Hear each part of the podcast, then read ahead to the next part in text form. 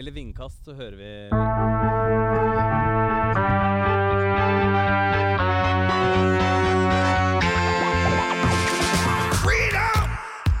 So fresh, so new. freedom, It's all for you. all for you. Freedom, Keep your ear to the ground. talking about the freedom. It's the best show in town. Let's show me that freedom. Well, well, Da sitter vi ute, dere. Da er vi ute, altså. Og så er det jo også gjesten vår, eh, Jonas. Halla, Jonas. Halla, halla gutta. Hallo, Jonas. Du starter jo med å egentlig avbryte introduksjonen her. Ja, Nå var jeg usikker på om du fikk det med deg eller ikke. Det er med, Ja, og det det er med, blir ikke redigert. Nei, det er rått ekte. Tar den. Men uh, i hvert fall, velkommen til eh, episode seks, blir det vel nå, Mats? Det stemmer. Av eh, Vin for faen. Og i dag så skal vi eh, eh, altså, I dag så skal vi ikke hedre klosteret for at vi sitter der. Mm. Vi skal faktisk eh, hedre deg, Mats. Så tusen takk for at vi får lov til å sitte ute på plattingen din. Ja, vær så god. Bare hør på den musikken der. Og Hæ? Hør her, da. Ja, det er greit Det er greit å ha det i bakgrunnen. jo, vær så god, Adrian. Jeg lurer jo egentlig på hvor lenge den eh, hyllesten kommer til å vare, da. Eh, og for deg? Ja, den er vel egentlig Ja, slutt for nå. jeg, jeg, kan bare si at uh, For jeg, du er offensiv i dag, altså. I dag så er jeg det fordi du har jo Det er jo rosé-spesial. Det er det. Du har invitert uh, Jonas og, og meg til din casa. Og du har vært litt sånn stalka på at du har ordna da en sånn derre eh, altså, Seil. ja, En sånn duk eh, over Eh, oss. Det er seil. For, ja, det er et seil for å skjule da eh, Eller skjerme oss for eh, sola. Ja. Og så har du et bitte lite bord. Jonas sitter litt sånn der som en sånn skolegutt inne i kjerka. Og jeg kjører da knærne mine opp i bordet og må sitte rett i ryggen. Ja. Og du sitter da i shorts med capsen bak frem. Så eh, s- som, okay. jeg, som jeg sa i stad, du, får, eh, du får 53 poeng for, uh, eh, også for, for opplegget her. Og som jeg har lært da, så er det uakseptabelt. Det er uakseptabelt, ja. Nei, altså det, det man sier om den poengskalaen, er at under 75 er udrikkelig. Ja. Så i denne konteksten her så er, er det usittelig. ja jeg, jeg, Ok, men eh, det er det vi har her i Nordre Follo. Det er det dere får. Har dere lyst til å gå? Nei, nei, vi blir okay, her en to og en halv time, og så er det taxi rett hjem. Men jeg hadde jo egentlig skrevet Når da? Nei, vi blir her en to og en halv time. Det er jo Ja, ja, sånn det er fint, podden det er er blitt. Jeg hadde jo jeg hadde egentlig skrevet på lappen min, vet du, Adrian. Legg ned stridsøkta. Ikke Nei, ikke økta. Legg ned stridsøksa. Nå skal vi røyke fredspipe. Nå skal vi veive de hvite flagga. Velkommen til meg. Det kommer aldri til å skje Nei. mellom dere to. Nei, nei, nei. Men uh, da, da skal vi bare ta den pennen, og så bare stryker jeg det.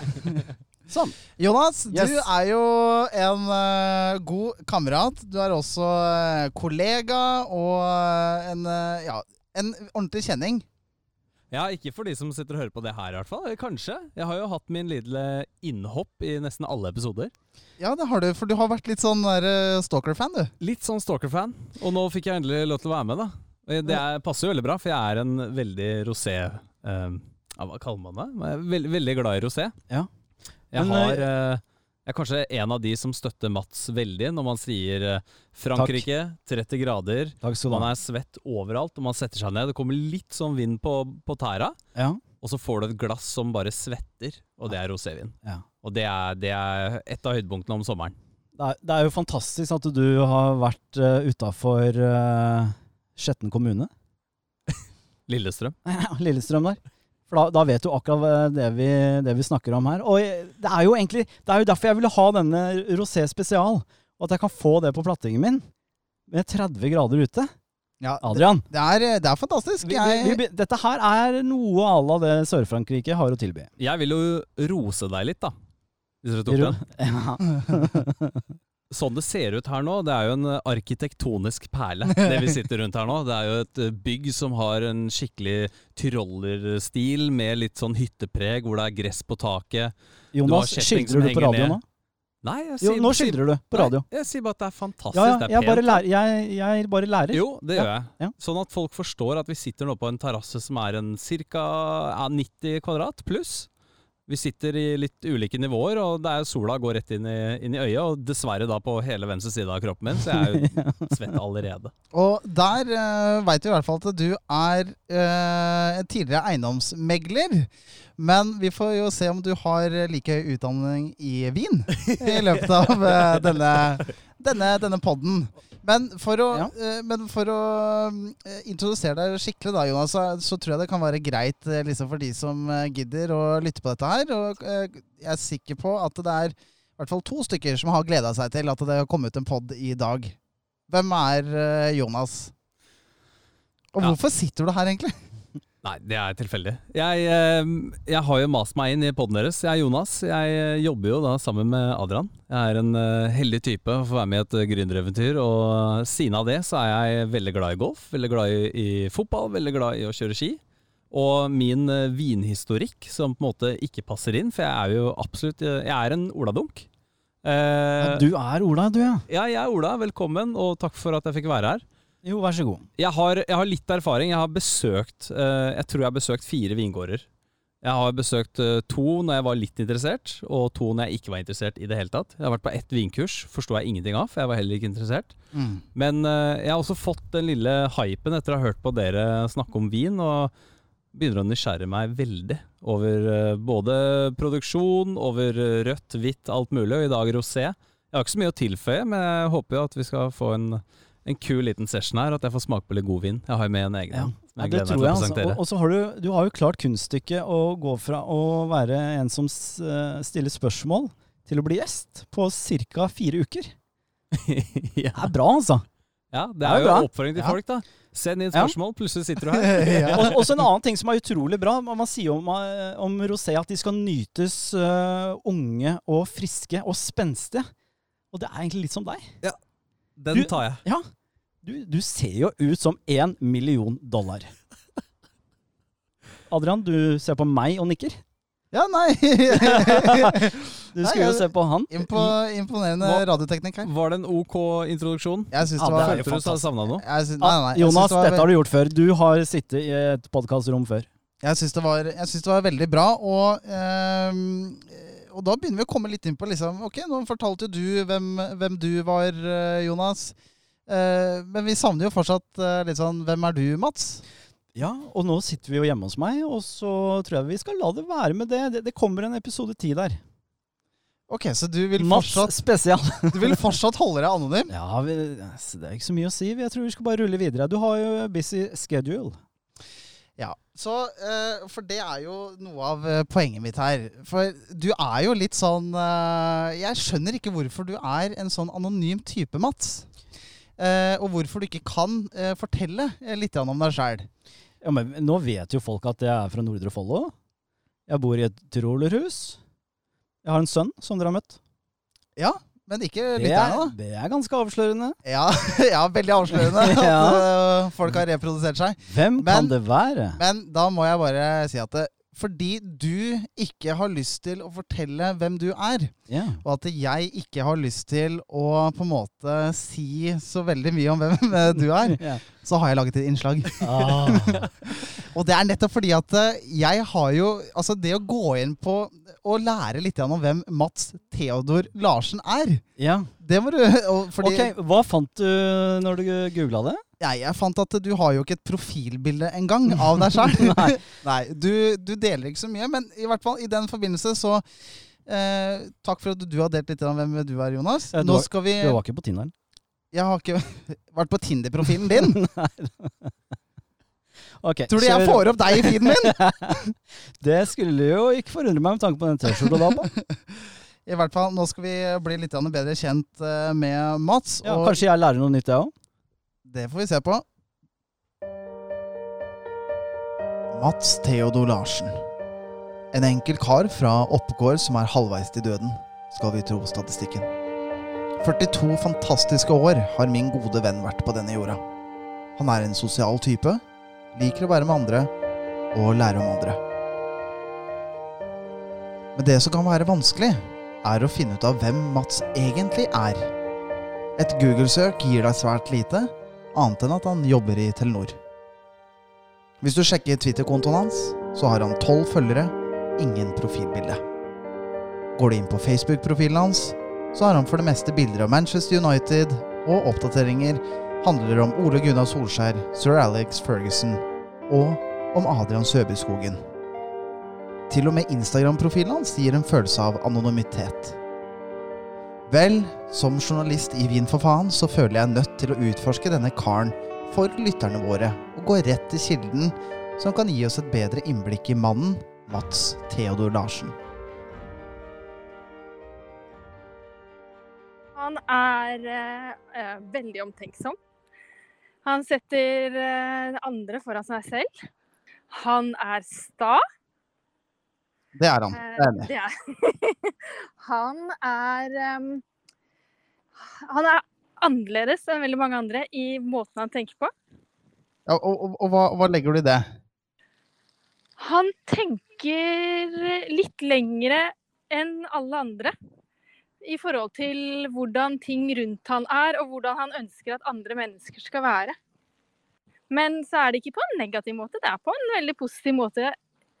Men det er kanskje ikke alltid like lett å ta imot den måten han sier det på.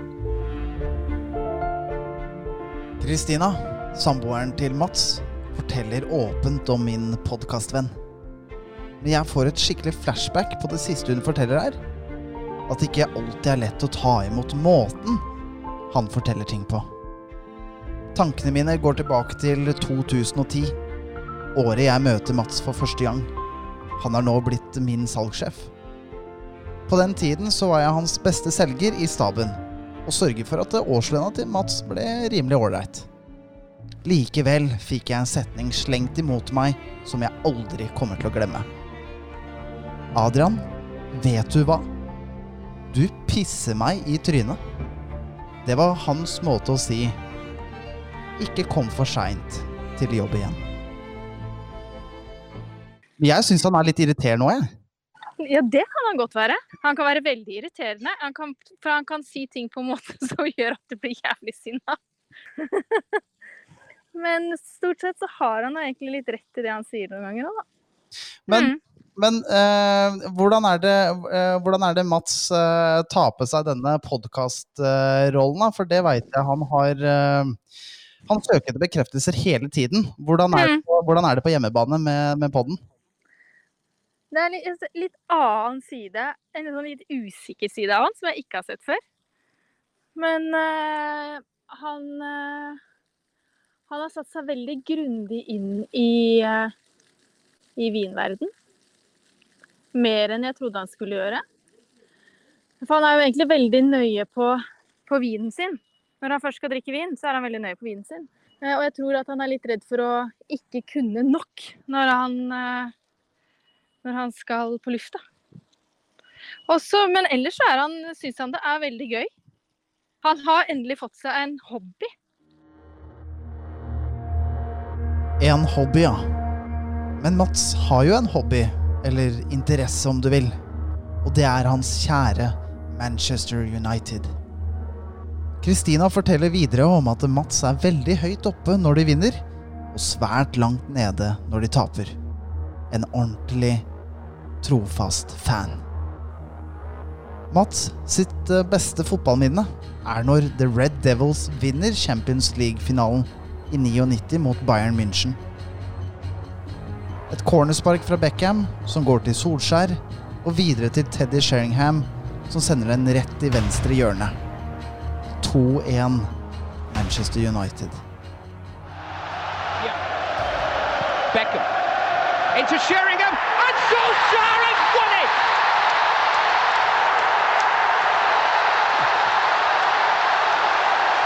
Champions of Europe again, and nobody will ever win a European Cup final more dramatically than this.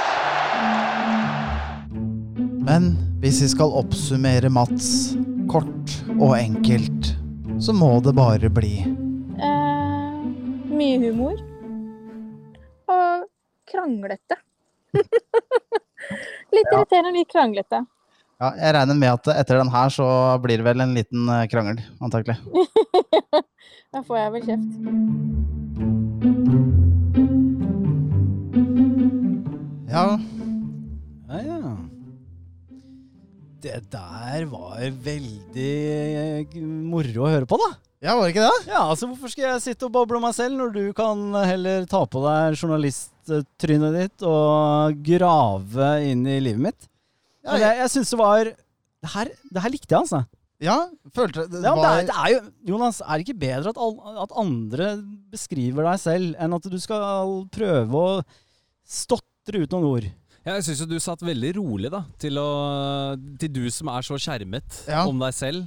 Og til da å bli blottet liksom, i en reportasje Nei, nei. Av, av Adrian. Så jeg- syns jeg du tok det veldig bra. Ja, men- Jeg synes, Fy faen så rå du er med reportasjer! Ja, syns du det? Ja, fy fader, ass! Bare det å tenke på å grave inn og pianomusikken og hente inn Manu-klippet, og du sitter jo og eh, transkriberer jo akkurat det han sier, i det han sier det. for de som ikke så det. And Altså, Solskjær has won it. ja, fantastisk. Det er så dritkult å høre på. Ja, moro. Ja, men eh, det er eh, Vi har snakka om produksjonen, Adrian, og det, det gjør du jævlig bra, altså. Ja. Og, og, og- men jeg tenker at grunnen til at jeg sitter rolig, er ikke bare for at jeg nyter den sola som kommer eh, inn fra høyre der, Jonas. Men det Kristina og Adrian snakker om, det stemmer jo, da. Altså, jeg er jo kranglefant. Jeg har høye forventninger til folk rundt meg. Men Adrian, tilbake til 2010. ja. Da du ikke klarer å stå opp i, riktig tid i en alder av Du hadde jo fylt 18 år. Og vi hadde jo en arbeidskontrakt. Og selv om du kom vandrende med den ene pokalen etter den andre, og for du ble månedens selger, ukas selger, dagsselger, det var ikke måte på Du kom ikke tidsnok på jobb, og du, du skulle være et forbilde. Men det var Og vel da, og da klikka jeg Men til du, slutt. du må gjerne Inn- inn skyte på- inn Du på må gjerne skyte på, på meg der, men det var et par ganger du sendte meg en melding tidlig på morgenen der og lurte på om vi skulle møtes et annet sted med teamet. Det er jo gjerne eh, Man ser jo andre gjennom sine egne øyne. ja. Eh, men jeg hadde jo litt høyere forventninger til deg enn eh, alle andre. Og så husker jeg da vi var inne på kontoret, og da sa jeg de forløsende ordene. Du Og du- pisser meg i trynet. Ja, Og du kom tidsnok dagen etter. Ja, jeg gjorde det. I hvert fall, det var jo Det her er jo litt sånn sagaen om Mats. eh, 97. Fy faen, 97! Ja, 97 Inn i poeng. helvete. Jeg er med på den. Jeg er med på den. Og det, 97. det er, ikke sant? Jeg er, Jonas, første gang du hører de reportasjene, så blir du liksom blown away. Jeg har hørt det en del ganger nå, men du skal få for ideen. Ja, Og så eh, skal du få for Eller du får de poengene Kristina får av meg, da. Ja. For at hun ble med på det. Det var kjempekult. ja det, var, det var moro. Og så var det litt skryt der òg. Ser verden kanskje litt annerledes. Ja, og, da, ja, ja. og da er det gjerne sånn kanskje at man blir kranglete, da. Ja, da, men jeg, Hvis folk jeg, ikke liker det man har å melde. jeg prøvde å klippe, klippe det pent, skjønner du. Jeg gjorde det. Men to ting. Ja. Kvaliteten på, på reportasjen, fra at du hentet inn noe storytellinga, dette kan du jo. ja, Du får litt uh, ekstrapoeng, fordi utstyret her er helt sjukt. For de som bare har hørt på podden, det å sitte her og høre reportasjen på øret, det er dritkult. ja, det er moro. Og så har du jo uh, ja, Vet du hva? 97 poeng. Du får den uansett. Dette blei en radiopod, dette her Ja, dritbra. Radiopod.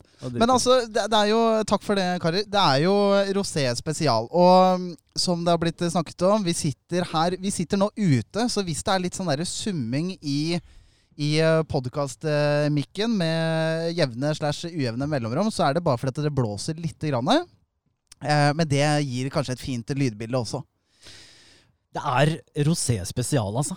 Det er det. Og Jo, men jeg kan jo ikke, ikke huske det vi snakka om i program 1. Nei. At jeg skulle få min egen Ja, fordi spesial. dette her er jo og en reise. er vi her. Dette her er en reise i Ja. både vin Jeg gleder, Mats? jeg gleder meg hele uka, jeg. Mats, det er jo en reise i både vin, og så Ja. er det også en reise i, i radioproduksjon. Ja, Du er jo nå radiogutt uke, uke seks, det stemmer. og eh, det er fire uker til eh, du mener at eh, du er klar til eksamen. Ja. Og du skal tro at jeg kommer til å lage en eksamen til deg. ja, og det håper jeg du gjør. Og gjør gjerne som meg, ha høye forventninger. Det, det kommer jeg til å ha. Hvilket tog er det som kjører forbi nå? Det er et godstog.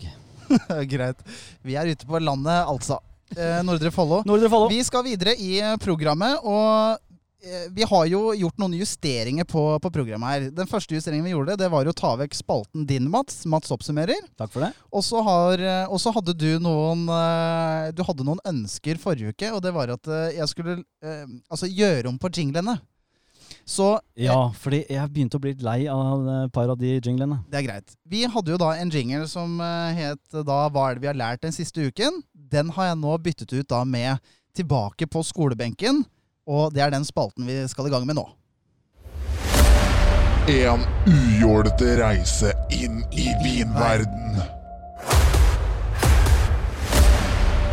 Vi dekoder et jævla snobbete fag for oladunk. Dra til helvete, Vinmonopolets podkast. Dra frem vinatlasset, drikk masse, litt mindre og bedre. Søk på Google, se på YouTube og ring en venn. To enkle karer skal bare lære vin, for faen.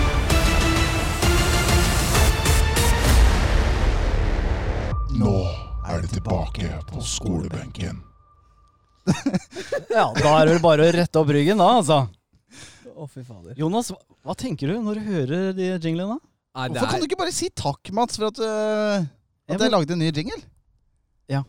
Tusen takk, Adrian. Ja. Hva, Ja. mener, hva syns du, Jonas? nei, det er dritkult. Det er eh, dritkult lydbilde, bra, bra skriking. Jeg skjønner ikke hvordan naboene orker deg. Nei, Ja, men han får jo klager. sånn. Jeg får klager. Men uh, dritbra, dritbra jingle. Det er, jo- én setning inni der som, eh, som slår, slår rett inn i hjertet mitt. Uh, ikke fordi jeg har noe med Vinmonopol å gjøre, men jeg er jo paranoid for alle sånne ting. Så det tror jeg Mats er òg. Så det dritkul jingle. Skvatt Ja. litt. Men jeg har sagt hver gang vi snakker om polet, så vil jeg si det er verdens beste butikk. Men ikke verdens beste podkast. Ja, Norges beste kundeservice. Absolutt. Vi er tilbake på skolebenken, karer. Yeah. Og, øh, og jeg har egentlig lyst til å starte med deg, Jonas. Fordi du er jo junior her i vinverden. Ja, Men, men jeg veit jo, i og med at du har jeg trodde jeg skulle få en halvtime pause. ja. Men uh, har du Altså, den siste tiden, da. Er det, er det noe du har lært om uh, vin? Er det noen sånne enkle ting, kanskje, som Jeg fikk jo jeg, altså, Helt tilbake til starten av poden deres, altså, har jeg lært mye underveis. Ja. Uh, både med hvordan det skal lagres, hvilken druer som jeg tror passer til, til min munn. Hvilken druer som jeg anser som min favoritt. Etter å ha smakt litt, hørt litt, smakt litt. Eh, jeg har lært uh, hvordan man skal lagre, sa jeg det i starten? Nei, lagre Ja. i hvert fall. Det, det var interessant. Og så har jeg jo lest meg litt opp på rosé, da, siden vi, siden vi skal sitte her i dag. Ja. Um, og det kommer vi sikkert inn på et par ganger. Det blir spennende. Så kommer jeg til å si ja, det leste jeg òg. Og så kan det hende at jeg leste det, eller kanskje ikke. Vi har liksom, vi har Mats, de samme kildene. Mats, hva, hva er det du har liksom studert den, den siste uka, da? Ja, det har jo blitt en del, eh, del rosé, altså. Det har det. det vi, skal, vi kommer tilbake til det, men eh, jeg eh, går litt tilbake til eh, episode fem jeg er med, med Magnus der, altså. altså. Han var jo et levende vinleksikon. Men kanskje vi skal prøve å holde oss til episode seks? Jo, men jeg har et par ting jeg har lyst til å dra fram Ja. rundt det, for det, jeg syns det, kan, det kan gjentas, da. Og det ene vi lærte, Jonas, det var jo at Og da spratt Adrian litt opp fra den stolen, altså. Og det skal litt til. Vi, man skal dekantere champagne. Man, Ok. man Ja. kan i hvert fall, ja. Jo, men han mente det, fordi eh, i champagne så er det CO2. Og det holder bort oksygenen. Og det er oksygenen som du, du skal frigjøre for å få fram hele aromabildet. Mm. Mens Oladunk tenker 'hæ?! Da forsvinner jo kullsyren. Eller det var iallfall det jeg tenkte, da. Ja, og, og når du skal drikke champagne, alt er jo lagt opp til sprettet rett i, Ja. i glasset. Men det er kanskje det mer den derre moderne varianten, eh, Kanskje. liksom. Ja. Altså den derre der, mm, eh, ut, ut og feste-varianten av champagne. Ja. Men da vi var på mm, Da, da vi var på dette vinkurset, uh, Mats, Ja. så var det jo Altså vinkurset for en tre-fire uker siden, så lærte vi jo faktisk da at Måten du åpner opp en musserende vin på, er, det, det, det skal gjøres med omhu og liksom med respekt, fordi at det blir plutselig fort et våpen, eh, den derre champagneflaska eller Prosecco-flaska eller Ja. det er for noe. Og det er jo to ting. Det ene er jo at eh, flaska kan uh, uheldigvis uh, altså sprekke, altså eksplodere, hvis du åpner den feil eller at det er et litt annet trykk i flaska. Og det, det glasset har du ikke lyst til å ha i ansiktet. Og nummer to så er det denne, denne korken. Og den korken skyter jo da ut i en fart med 90 km i timen. Så eh, når man da åpner denne flasken her, så er det jo eh, så, så vrir du jo da helst eh, flasken og ikke korken. For å gjøre det riktig. Det stemmer. Jeg syns det var litt sånn kul greie å lære det. Men, Det er jo en fin ting man kan ta med seg videre. men rosé for, for, for meg, da, for å starte der, for det gikk jo litt treigt med deg i høyre her.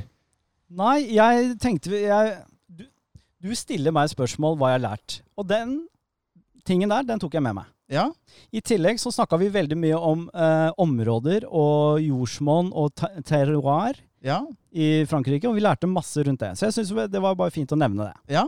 Når det gjelder rosévin, så er det vel det jeg har lest om det, at det er vel eh, Med rosé så får du eh, Du får på en måte det beste, verden, beste av to verdener. Hvilke verdener er det? Du får eh, det fruktige og bæraromaen fra rødvin, og så får du det mer sitruspregede og friske fra hvitvinen. Ja. Dette her i kombinasjon. For rosé kommer jo primært fra rødvinsdruer. Ja, Så det er jo hvis jeg, Er er jeg innafor nå, eller? ja, ja, Ja, det er fint. Det er fint. Kjempebra. Ok. Så det er, eh, Man kan jo kanskje tenke at eh, når man smaker på rosé, at det er på en måte hvitvin med litt eh, farge oppi. Ja, for jeg, jeg har jo ikke drukket så mye Jeg har ikke drukket så mye rosé før, da. Eh, og, jeg, og jeg drakk jo Jeg hadde jo mitt første glass eh, på sikkert fem-seks år. Eh, jeg var i Bergen eh, forrige uke. Eh, og da, da tok jeg Og da bestilte jeg faktisk da et glass rosé, fordi det, det var jo noe du sa i episode én, eller hva det var for noe, Mats. Liksom Se for deg at det er varmt ute, du er i Frankrike og bla, bla, bla. Sånn som eh, Jonas også nevnte litt her. Du skal helst ha fri da, når du gjør det. Mm. Ja, men jeg, det var fredag og var med en kunde, så det var greit. Ja. Uh, og da bestilte jeg da rosé. Jeg kan ikke se for meg at den roséen jeg fikk, var liksom top notch kvalitet, så det blir veldig interessant å se hva vi drikker her i dag etterpå. Å, jeg gleder meg. Når er det vinsmaking, egentlig? Uh, snart. Ja, ok, det er fint. uh, Jeg, jeg, jeg spør for en venn. Han sitter rett foran meg. ja, men vi, vi kan ikke ha en spalte som heter 'Tilbake på skolebenken', og så skal vi ikke fortelle Nei, nei, nei. Nei. Jeg har lært noe. Ja. Og det var fordi jeg, jeg sendte jo deg en snap av, av, en, av en vin, som, eh, og da en rosévin, som har ligget i skapet mitt lenge. Ja. Den har fulgt meg i mange år. Du Og, har lagra den, altså. ja, og den er det man kaller feillagra. Så den har vært med på flyttelass, den har vært med på loftet, ned i en kald kjeller, eh, bak i bilen, ikke blitt drikket, hjem igjen. Og så sender jeg til deg, så blir det første som slår meg bare Kan man egentlig lagre rosévin? Altså, ja. Og det var, jo, det var jo noe man måtte søke. søke. Ja. Google med en gang. Og dette, er- og dette, Du er, kan nok det, og vi kommer kanskje inn på det litt etterpå. dette her har jeg eh, funnet ut av, da. Fordi eh, jeg også blei litt nysgjerrig på det etter at du liksom sa at ja, den her kan ha vært feillagra. Så jeg titta litt, og det de sier, da, er jo at eh, Og da, hvis vi tenker gjennomsnittssegmentet da, av rosévin, så er det en sånn typisk eh, liksom skal drikkes nå. Mm. Og det er sånn ehm, i løpet av liksom et par år. Du, du kan jo du kan ha en rosévin liggende riktig et par år, men eh, av det jeg klarte å lese meg frem til, så er det ikke så mange roséviner som er lagringsroséer. Og når jeg eh, tenker da lager... Er du med, eller, Mats? Ja da. Ja, men jeg trenger liksom øyekontakt. Nå bruker Ja. du arket istedenfor PC-en. nå. Nei, jeg skulle bare se på en lite notat. Fortsett, du. Ja, så eh, Og da er det eh, Og da er det sånn at eh, de litt bedre kvalitetsrosévinene, de kan du eh, lagre da opptil ti år. Ja. Men da, men, men da begynner det å tøyre litt, eh, tror jeg da, etter hva jeg leste. Så rosévin er litt sånn Det, det drikker du der og da. Ja. Eller så lar du det ligge til, til neste sommer. Ja, det her var jo en uh, Tomassi, og Ja. det var 2009. Tomassi er produsent. Ja, stemmer. Og så var det 2009. Uh, leste jeg ikke noe særlig mye mer uh, om den, men uh, den falt ikke innenfor lagringsvin, så jeg. Mm. Og jeg leser også det samme. Uh, veldig mye vin uh, skal du egentlig drikke nå. Veldig Mm. mye vin kan du lagre til uh, to til tre, men helst ikke mer. Og så har du de spesielle som du, som Ja. du kan lagre. Men uh, denne her er garantert helt ødelagt, og hadde ikke vært noe digg å åpne her i dag. Nei, så den tok du ikke med. Den tok jeg ikke med. Ja, var Nei. flaks. Fordi det, altså, noe av grunnen til eh, det som skjer, da, altså når du, hvis du feillagrer vin, så er det jo altså En typisk eh, måte å feillagre vin på, er at du lagrer den varmt. Og det som eh, skjer da, er jo eh, Og det blir jo på, på samme måte som annen frukt, ikke sant? Hvis du lagrer et eple varmt, så utvikler eplet seg mye raskere enn hvis du hadde lagt det i kjøleskapet. Og det samme er jo det som skjer med vinen, at den utvikler seg og utvikler seg og utvikler seg. Så, eh, da, og til slutt da, så blir den dårlig. Og, og siste, siste stopp er jo, som vi veit, Mats, det er jo vinegar. Eddik. Det er eddik. Endestasjon. Jeg leste noe om eh, Spania. Eh, rosé fra Rihoja. Ja. Der lagrer de eh, rosévinene på eh, altså fatlagring. Og det tror jeg ikke det man gjør i f.eks. Provence. Som er da i Frankrike. I Frankrike. I Sør-Frankrike. Ja, for der lager de i, i ståltanker. Og det vil jo da sette preg på smaken på den, de vinene derfra. Absolutt. Og så er det et annet sted i, i Spania, Navarra. Aldri hørt om. Men de produserer også gode roséviner, og de, de lager altså på, på fat. Ja, ikke Ja. dårlig. Ikke dårlig. Men jeg har også Og faktisk en annen ting, bare for å legge til. Ja, Eh, De lager rosévin i Pumonte. Og det jeg leste da, det er som å drikke Nebbiolo Light. Ja. Vi har drukket en del på vin på Nebbiolo-druen, som er litt barsk. Den har en del bitterhet, selv om Adrian ikke er helt enig i det. Men jeg og Magnus, i hvert fall, i forrige episode, vi var At enige i det. Nebbiolo har bitterhet, jo, det er jeg enig i. Ja, ok. I hvert fall. Uh, og, det, og det her må vi jo Ja, han ble bitter. Og det må vi jo smake på, da. For da kanskje vi får en, en, liten- et lite gjensyn med Nebbiolo. Nebbiolo. Ja. Nebbiolo light, altså. Men da tenker jeg, eh, i og med at du er litt sånn stressa for det med å få drikke, så jeg har jo lært et par ting til, men jeg har jo da med meg et innslag eh, for det. Ja. Eh, fordi det er jo et aspekt her ved Altså i, i vinbransjen da, som Som jeg ikke kjenner så godt til. Og det er jo da vinimportørens rolle. Eh, og det jeg har gjort da, er at jeg har eh, fått et møte da, med en veldig stor vinimportør i Norge. Ja, og vinimportøren, eh, prøv å sette det i kontekst i denne verdikjeden. Du har vi begynner fra venstre. Vi har produsentene. Du har produsenten som da eh, kan Som igjen da kan selge vinen sin til en, til en mellommann der igjen. Ja, så sånn som vi gjør i Bordeaux, Ja, for eksempel. ja. Eh, men vinimportøren er jo da eh, og, det, og det er noen spesielle greier her som jeg har et innslag her. her. okay. Men du får fordi- svare på Okay. Fordi vinimport i Norge er litt annerledes enn en andre steder. Og det Ja. er pga. Vinmonopolet. Men jeg har da eh, tatt et eh, møte da med en som heter Kristoffer Mostu. Som da jobber da i Mostu Group, og er da en av Norges største og mm, mest anerkjente vinimportører. Og Kristoffer Mostu, sånn som jeg uh, har lært meg å kjenne han, er en legende i, uh, i dette faget her, da.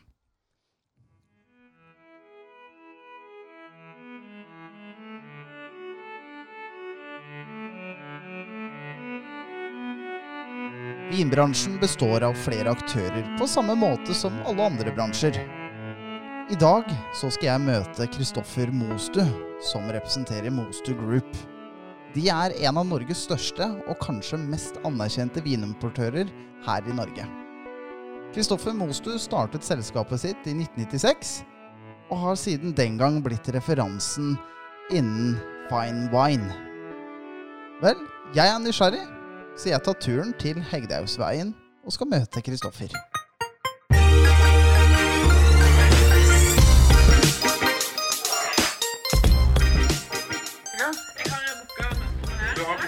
Ja, så, men det er jo litt sånn opp til dere. eh, Nei, men det passer meg så- fint, det. Så hvis du tilbyr ham noe å drikke, Ja, så skal jeg bare avlyse. Ja. Ja. ha en kaffe? hadde vært veldig ålreit. Altså. Ja, takk. Takk, takk.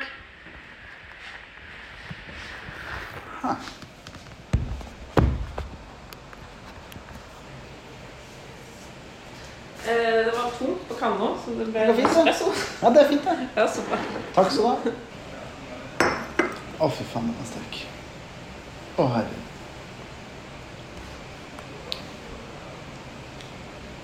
Jeg er ikke så glad i espresso. Vel, nå har jeg fått kaffe, så jeg må jo bare late som. Kontoret til Mostu er litt gammeldags. Litt sånn tidlig 2000-tall-møbler og gulv. De har cellekontorer, og det bærer preg av at de kanskje ikke har vært nødt til å fornye seg de siste 20 åra. Men én ting er sikkert. Mostu Grape Selections er et godt og solid selskap med langt over 200 millioner i omsetning og en sunn bunnlinje hvert eneste år. Kristoffer Mostu kommer inn på møterommet. Det er en relativt høy kar. Slank og ser ganske normal ut. For en som jobber med vin, har to vingårder, er norsk og tjener gode penger, så ser vesenet hans ut veldig likandes. eller jovial, som Freddy Kalas ville ha sagt. Altså jeg, Vininteressen min Jeg er jo egentlig utdannet kokk. Ja. Eller eh, som jeg pleier å si, det er det eneste jeg har papir på at jeg kan. Eh, eh, Men eh, Så via maten var, møtte jeg jo da vin og tenkte fader, dette her er jo utrolig interessant. Alle disse smakene og ting som endrer seg, og drikker den ung og senere og så videre. Alt der. Så er det masse kultur, og det henger jo sammen med maten og sånn, så da kunne du liksom fortsette å drive med akkurat det samme, men utvide spekteret, da. Så etter hvert så eh, ble det da mulig for meg å bruke eh, tiden mer på vin, og bare på vin. Så jeg jobbet jo eh, som Norges første vinkelner på Bagatell. Ja. Så det var jo den første stillingen i Norge i restaurantverdenen hvor du bare hadde ansvar for drikke. da. Det var ikke bare vin, men Det norske vinmonopol er kanskje verdens råeste vinhandel. Det er over 20 000 varer der. Du kan bestille alt på nettet. Og menneskene som jobber på Vinmonopolet, har høy kompetanse. Men utvalget som Vinmonopolet har i dag, har ikke alltid vært sånn. Og det er derfor vi har vinimportører. Mostu har en historie å fortelle om hvordan markedet for vinimportører kom på banen. Det var jo fra 20-tallet, når Vinmonopolet ble etablert, så var jo det etablert som et importmonopol og et salgsmonopol. Eh, og eh, så kom jo da EU-avstemningen i 92, som Norge sa nei takk. Eh, og så ble da runner-up deal ble EØS-avtalen. Eh, og eh, den gikk gjennom Stortinget, og da var det jo flere som, bl.a. meg, da, og flere enn meg, som mente at da kommer Vinmonopolet-ordningen til nødt til å bli endret. Eh, og så etter litt eh, politisk frem og tilbake, så ble den jo det til det som er dagens system. Ja. Så det monopolet består, eh, men kun som salgsmonopol. Ja. Og det eksploderte jo markedet, og tilgjengeligheten ble jo noe helt annet. Dette var på 90-tallet. Ja, det skjedde i eh, eh, 96, da. Ja. Så, Midt under denne reportasjen så får jeg en følelse av at jeg har tatt vann over huet. Jeg har kanskje starta litt vel overivrig. For selv om det Moster representerer er interessant for noen, så var det kanskje ikke så interessant for meg. Og skal man bli skikkelig god på vin, så er det kanskje andre ting man burde prate om. Vel, denne reportasjen blei ikke helt som jeg hadde forventet. Så jeg avslutter ganske pent og pyntelig med å spørre Mostu om hva hans favorittdruetype er. Det er dårlig gjort å spørre om det. Altså. Det, jeg, det må jo kanskje bli eh, eh, Jeg har veldig lyst til å si Syrah, fordi jeg er veldig glad i nordlig rån. Uh, og eh, så eh, det er utrolig mye spennende viner. Kanskje jeg rett og slett sier Syrah, eh, for å være litt annerledes. Eh, folk hadde forventet at jeg sier det nå, er jeg sikker på. Men eh, Syrah, det er, det er jo Syrah i min Kornas, vinmark. Eh, så eh, det er jo Pinot selvfølgelig i Bonnet, men det er, eh, det er, er en topp Syrah når det er fantastisk. Så er. Og nå har jeg jo egentlig bare lyst til å høre på litt musikk. Litt sånn Ja, sånn som det her, egentlig. Sett meg rolig tilbake igjen. Reflektere litt over mine egne prestasjoner som vinjournalist. Og tenker at det kommer en ny uke igjen, for faen. Ja, ja. Det var fin musikk, i hvert fall.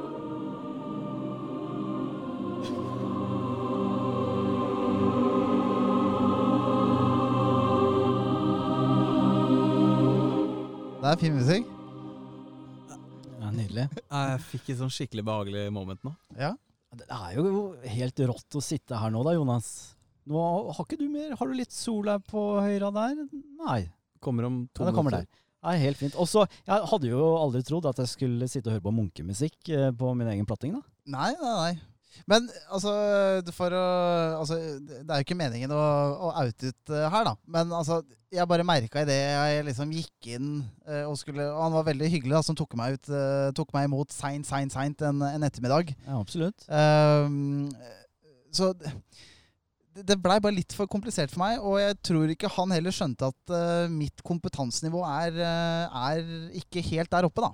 Men okay. han, han, jeg syns det var veldig interessant det han snakket om Vinmonopolet fra, fra 1920-tallet og frem til eh, på, på 90-tallet. Ja. Fordi Vinmonopolet var jo da også et importmonopol. Ja. Og, så, og, og, da, og da tror jeg vi kan se tilbake på at det kanskje ikke var mer enn La oss si at det var et par, par 3000 ulike varegrupper. da. Eller altså varer på, på Vinmonopolet, frem til det det er i dag, som er i 25 000. Eh, liksom. Og det er nettopp pga. vinimportørene. Ja, for, for da spiller jo de en uh, veldig betydelig rolle der, da, for å få økt sortimentet. Ikke bare i antall, men også i bredde og i de ulike kvalitetsnyansene der. Ja. Ja, Hvor starter du da, når du ser muligheten? Nå er det et par måneder til eh, Vinmonopolet faktisk trekker ut import som en av to kjerneting de jobber med. Og du sier 'den plassen skal jeg ha'. Hvor, hvor, hvor starter du? Ja, og det, det pratet jeg litt med han om, faktisk. Og, og han har jo hatt en vininteresse liksom, så lenge han kunne huske, da. Ja. Eh, så når han skjønte det her, så skjønte han jo da at ok, da er jo Vinmonopolet nødt til å importere vin. Så da var det jo liksom en enkel type som, som kunne noe om vin. Og som da sikkert har reist mye rundt i Europa. Og han er jo veldig sånn, sånn som jeg forsto han, Bordeaux-type, Frankrike-type. Eh, og, og sånn som de jobber, det er at eh, de uh, også går jo da og danner seg et nettverk med Jeg tror de har en 300 vinprodusenter.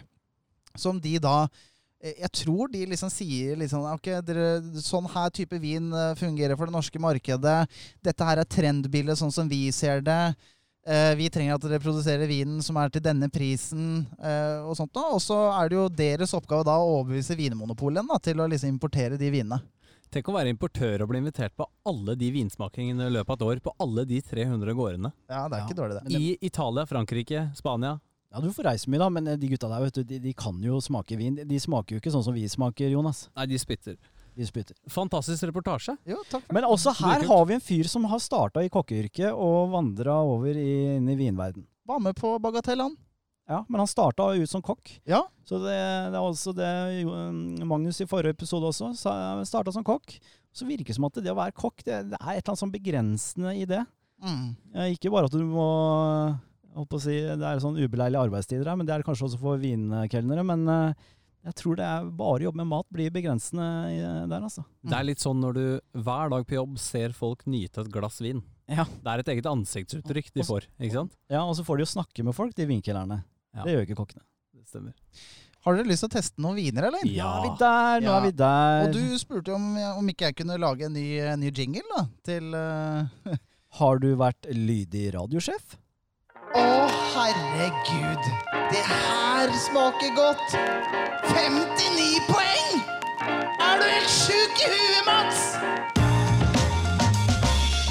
Og da er det vintest. Ja, du glemmer aldri de poengene der, Adrian. 59 poeng for den pinot noiren, det fortjente den ikke.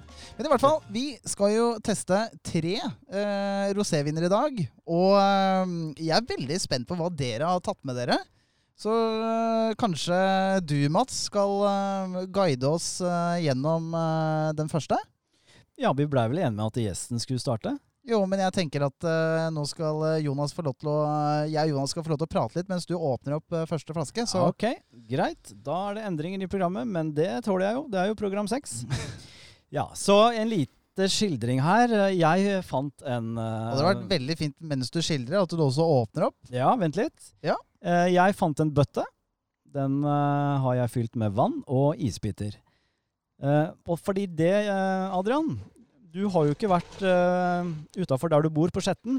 Men litt nede, lenger ned i Europa der, Lørenskog. så får man en litt sånn klirrelyd. Når man tar flasken rundt omkring i, dette, i denne bøtta med isbiter. Hva eh, Altså Jeg syns du river ned hele plattingen her. Der, ja. Jeg vet ikke om det, Det kom du- det med på du- radio, men det var en veldig fin lyd av isbiter som klirret. Det du drar frem eh, nå, ser i eh, dette Altså i dette lyset ser ut som er den, den er mer oransje enn en lyserød. Som Ja. jeg syns er interessant. Ja, det er faktisk Jonas? ganske interessant. Ja, det er Kanskje kanskje, gjesten skal, også skal få litt taletid? Det er kanskje noe vi skal hoppe innom. Vær så god, Jonas. Jeg beklager. Ja, takk. Kanskje noe vi skal hoppe innom litt etter hvert, fordi roséviner har jo ekstremt mange forskjellige farger. Ja. Det er litt interessant. Ja, det er det. Og så er det jo sånn at eh, denne her, eh, vinen her kommer jo eh, det, det kommer fra et sted, jeg kommer tilbake til det etter hvert her nå, men det er jo like ved eh, Provence. Og de er kjent for veldig, veldig lyse rosé. ja. Og den her er jo nesten Provence fra, er i Frankrike. Det er i Frankrike. Bra presisert. Eh, men som dere ser her, den er ikke sånn superduper lys. Nei, den er men, Den har litt oransjepreg, jeg er enig. Ja, Men det, det første som slår meg når jeg holder flasken oppe her nå, er jo igjen at eh, eh, flaska svetter så godt. Ja. mm. Og Typisk rosé. Og for å si det sånn, eh, hvis jeg hadde sittet her på vinteren, så hadde du ikke hatt det samme deilige utsikten som nå. Og, det, og eh, jeg spurte jo da eh, Mosto også da, om, eh, om rosévin. Og han, han kunne fortelle at det er en, en økende trend da, av, av salg og kjøp av, av rosévin. Um, og etter litt sånn nærmere inspeksjon så kunne jeg da se at i 2019 så ble det da solgt fem eh, 5,1 eller annet millioner flasker av eh, rosévin. Jeg husker ikke om det var flasker eller liter, men det har ikke så veldig mye å si. Til sammenligning da, så eh, selges det da 60 millioner rød og hvit. Ok. Ja, fortsatt en liten andel. Ja, har en vei å gå. Men eh, de, de sier jo også at det drikkevinduet da, for eh, rosévin er jo da eh, april til eh, slutten av august. Mm. Ja, og det drikkevinduet der eh, Nå måtte jeg bare ta en liten pause i åpningen av den vinen. fordi det drikkevinduet der Har du sjekka om det er eh, Oladunks og det norske folks drikkevindu? Eller er det også eh, nede i Sentral-Europa? Eh, det mm, jeg, eh, Noe sier meg at det her henger veldig eh, tett sammen med klima. Ikke sant? Så eh, altså er du i et eh, land hvor, eh, hvor det selges rosévin, og du har liksom sommer hele året, så tror jeg det er lettere å kanskje forsvare rosévindrikkingen enn eh, sånn som her i Norge, da, hvor vi har fire måneder i sommer. Jeg støtter den. Jeg tror rosévin er veldig eh, laget for eh, Kall det en avkjølende drikke. Ja. Mens rødvin er jo noe du skal nyte i utgangspunktet, og hvit er noe som er et supplement til fantastisk mat. Men nå, nå, For meg. For meg. Ola Dunk. Ja, men nå, nå fikk jo jeg en egen reportasje, og det blei eh, konkludert og stadfestet, ganske korrekt egentlig, at jeg er kranglete. Men jeg vil jo hevde at jeg tror kanskje at eh, for nordmenn så er rosé litt i sånn anførselstegn misforstått. Jeg tror uh, at historien er litt annerledes nede i Europa der. Uh, og så skal vi ikke heller glemme at dette her er jo det er jo historisk. Jeg husker ikke helt når man begynte å, å produsere rosé. Det kan jeg fortelle. Ja. 2600 år Før. før Kristus. Og det vil si, Ja. det hevdes at det kan være at rosé var den første produserte vinen. Ja. Ryktene sier det. Ja, eksakt. faktisk. Det, det tror jeg faktisk jeg hadde lest òg. Men da, ok, så da kom jo den ja, Vi snakka vel om det at man begynte med vin sånn 6000 år. Ok, Men det er, det er ikke så Ja. viktig, da. Men, jeg- men jeg tror i hvert fall at for, for nordmenn så har dette blitt sommervinen. Men den passer jo også til f.eks. veldig lys kjøtt og sånne salater og sånne typer matretter som du også kan nyte utenom sommeren. Det var egentlig poenget. Mm. Da Jeg, skjenker jeg. jeg vil legge Men til en ting hvis mens du- du skjenker. Ja. Men skal du ikke fortelle hva, hva, hva flaska heter? Jeg skjenker først, Ok. og så begynner jeg å fortelle etterpå. La meg legge, legge til en kommentar Er det, der, Mats. er det greit, eh, Adrian? Ja, det er greit. Ja. Det er bare litt merkelig rekkefølge.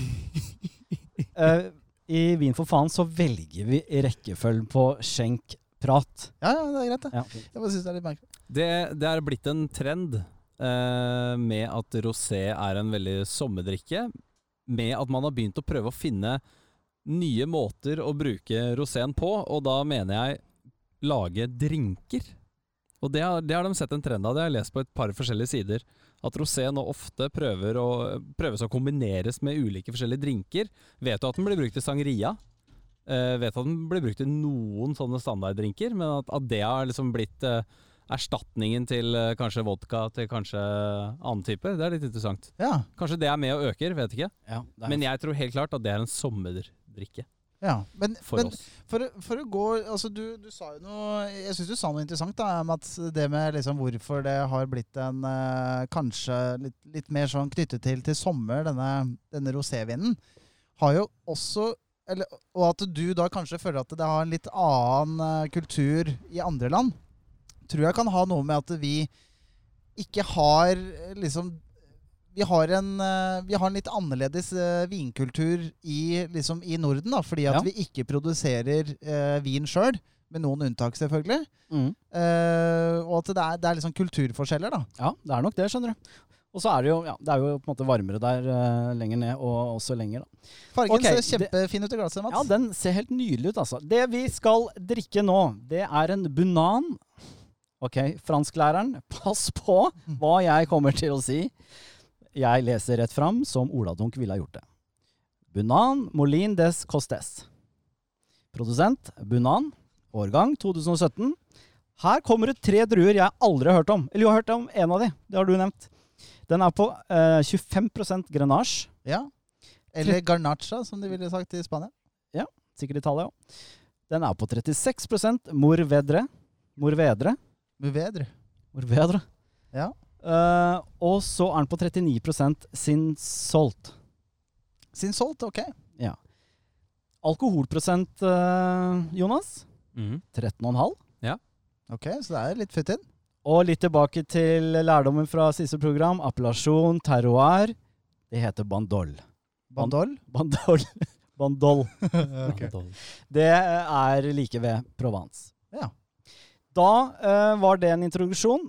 Eh, vi har jo lært litt om hvordan man skal te seg nå, da, Jonas. Og det vi gjør, det vi gjør nå, Fortell meg. da løfter vi opp glasset, og det er så deilig med den sola, altså. Ja, Så det, ser vi på hva vi ser. ja, det første jeg legger merke til, er at det er den der, den der oransje eh, fargen som eh, kommer til. Og så er den jo, den er jo gjennomsiktig som bare fy. Her kan du, den her kan du titte og lese gjennom og hele pakka, så den er ikke tjukk eh, farge i det hele tatt. Men det er, jeg tror jeg er vanskelig for eh, Altså, det får du vel ikke tak i rosévin. For det har jo noe med produksjonsprosessen, det.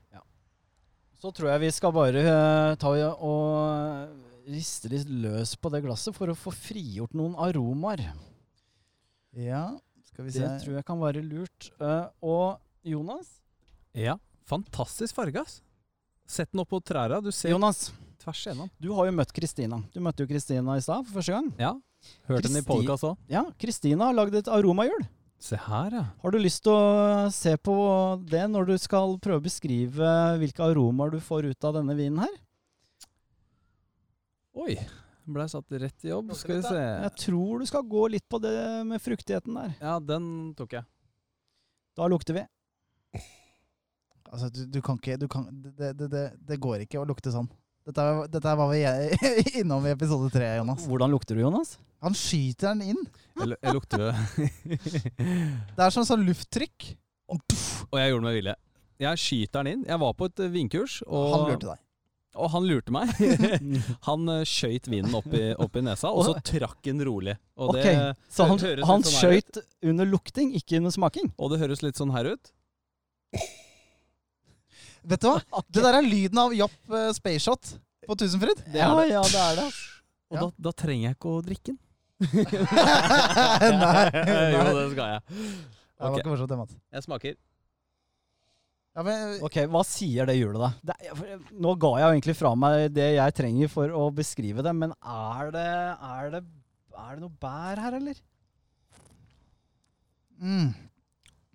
Åh, Ja, du, du har begynt å smake? ja, vi har jo smakt det. Vi har jo lukta. Vi lukter jo ok, ok. det, det første jeg lukta, det var uh, sånn eh, veldig sånn eh, Det var veldig fruktig. Jeg får sånn derre uh, Sånn oransje saft som er Å, hva heter den? Ikke, ikke fersken, men mandorin? Mandorin? Nei, ikke mandarin. Det er, Nei, det er språk. Hva hva heter det? Du, du har fersken, og så har du den andre oransje. Um, Appelsin? Nei, ikke, det er, den er mer gul, er den ikke det? Ja, ok. Uh, aprikos? Aprikos, ja. Litt eh, Er er det det? er du der? Jeg, jeg, jeg, er, jeg er skikkelig på ananas. Jeg har ananas i hele ettersmaken. Skikkelig fruktig. Oi!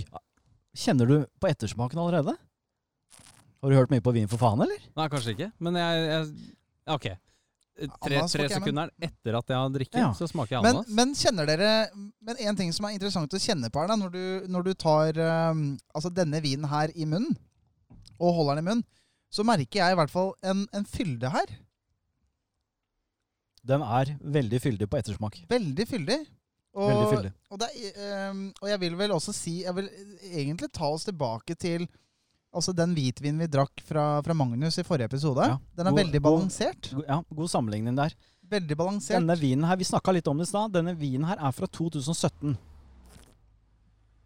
Hva vil det si i forhold til Ok, nå er det tre år der, da. Tre år siden. Den er på maks lagringstid. Antageligvis. Ja, men eh, jeg leser meg litt opp på den vinen her, og den her kan lett lagres fire til seks år. Ja, ja, det er fint, det. Så da er den jo i hvert fall litt utvikla, da. Ja. Så det er vel derfor vi får en del fylde i den, er det ikke det? Jo, men det er Men ja. Altså eh, Og så får jeg ikke en sånn derre Jeg får ikke noe sånn intens ettersmak av den alkoholen heller. Nei. Eh, jeg får ikke mye syre her. Den er jo relativt kraftig, vil jeg si, i forhold til de Provence-roséene jeg har drukket uh, tidligere. Ja, og det her har vel noe med det, disse druene å gjøre. Ja, og det Jeg fikk ikke Fordi jeg- lest meg så mye opp på de druene der, altså. Fordi jeg er helt sikker på at når vi går til eh, vinen min og jeg, ikke, jeg husker ikke hva du har tatt med, Jonas, men når vi i hvert fall går til vinen min, så kommer vi til å få en helt annen smaksopplevelse. For det er eh, en helt annen drue. Hva, hva smaker du av, Jonas? Jeg syns den var veldig fyldig, Ja. men veldig fruktig. Jeg fikk veldig mye frukt i, i Både jeg, jeg kjente Ja. ananas, jeg kjente aprikos. Ja. Og så kan det være veldig eh, feil. Jeg kjente ja, jeg kan være med deg på steinfrukt. Men smaker dere, smaker dere sitrus her, eller? Ja, det tror jeg vel ikke du kommer utenom, kanskje? I rosé? Gjør du det? Da kommer den på drua, vet du. Men veldig, veldig Jeg får ikke så mye sitrus. Den er god i munnen på ettersmak, altså. Mm. Jeg får mer den derre Du vet når du kjøper de her ferskengodteriene, de derre gummi sånn, jeg, jeg får den Ja. følelsen, altså. Ja, men den uh, får du gjerne på rosé, altså. Jeg drakk en rosé på fredag, og da fikk jeg også den assosiasjonen. Ja. ja. Jeg vil gjerne utfordre deg på den der når du smaker den andre. Altså. For jeg, det, det her det blir jo samme som å For det Ja. her handler jo om druene, Mats. Ja. Så, fordi du må. Vi må ikke glemme det at det, altså, rosévin er bare en annen Altså bare en avart av vin. Altså, Ja. Du har hvit, du har rosé, og så har Ja, du ja, rød. nei, altså, det er jo en rødvin, altså, det, og det kan jo de som bare har hoppa inn i dette segmentet på Ja, denne viktig. podkasten her, er så viktig. kan vi jo si at uh, rosévin det blir på en måte som å uh, Hvis du lager deg en, uh, en kopp te, da. Så for å avgjøre hvor sterk den blir, så, så, så, så får du se hvor lenge du skal ha den der selve teposen. Så hvis du vil ha en sterk, eh, tydelig snerpete te, så lar du teposen ligge lenge. Og det er litt det samme med, med rosévin. Altså, man starter jo som en rødvin, men eh, druene ligger jo ikke samme skallet mer enn 48 timer. Og vanligvis så ligger vel det for en rødvin i hva er det for noe? To til fire uker, er det? Hva da, i fermenteringsprosess? Ja, altså hvor lenge mosen er samme skallet når du skal lage rødvin. Ja, det Ja. ligger noe rundt der, ja. Ja, og så for rosévin så er jo det bare 24-48 timer. Men, eh, men jeg syns ikke den, den gir meg ikke så mye. Den er balansert, men det er nok ikke den beste jeg har Nei, ja, jeg er enig i det. Men jeg tror rosé har veldig mye med setting også. Kan, kan vi ta Er ikke det her den beste settingen i livet ditt? Jo, det er en av dem. Kan vi ta en til, hvor vi bare knipser hjernen vår innom honning i det vi drikker? Kan, kan vi se om, Ja, men om det. gir mening? Ja, prøver vi det.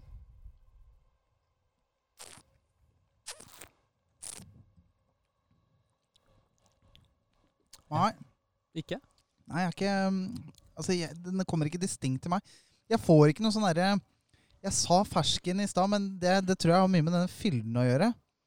For jeg- jeg får ikke noen distinkte smaker her.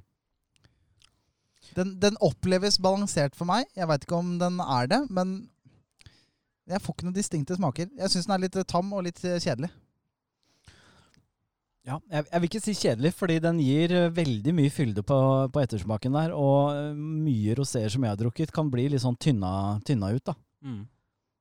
Men eh, min, eh, min erfaring, og som jeg også eh, For jeg tok en tur til Polet, vet du, Adrian, igjen. Ja. Eh, og jeg snakker med to karer der. Den første karen, da, da snakker vi om rosé, og jeg er jo i utgangspunktet ute etter en lys rosé. Jeg vil ha det lyseste av det lyse.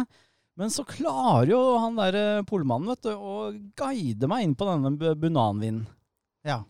Uh, og da tenkte jeg ok, nå skal jeg gi det en sjanse, men en litt mørkere rosé.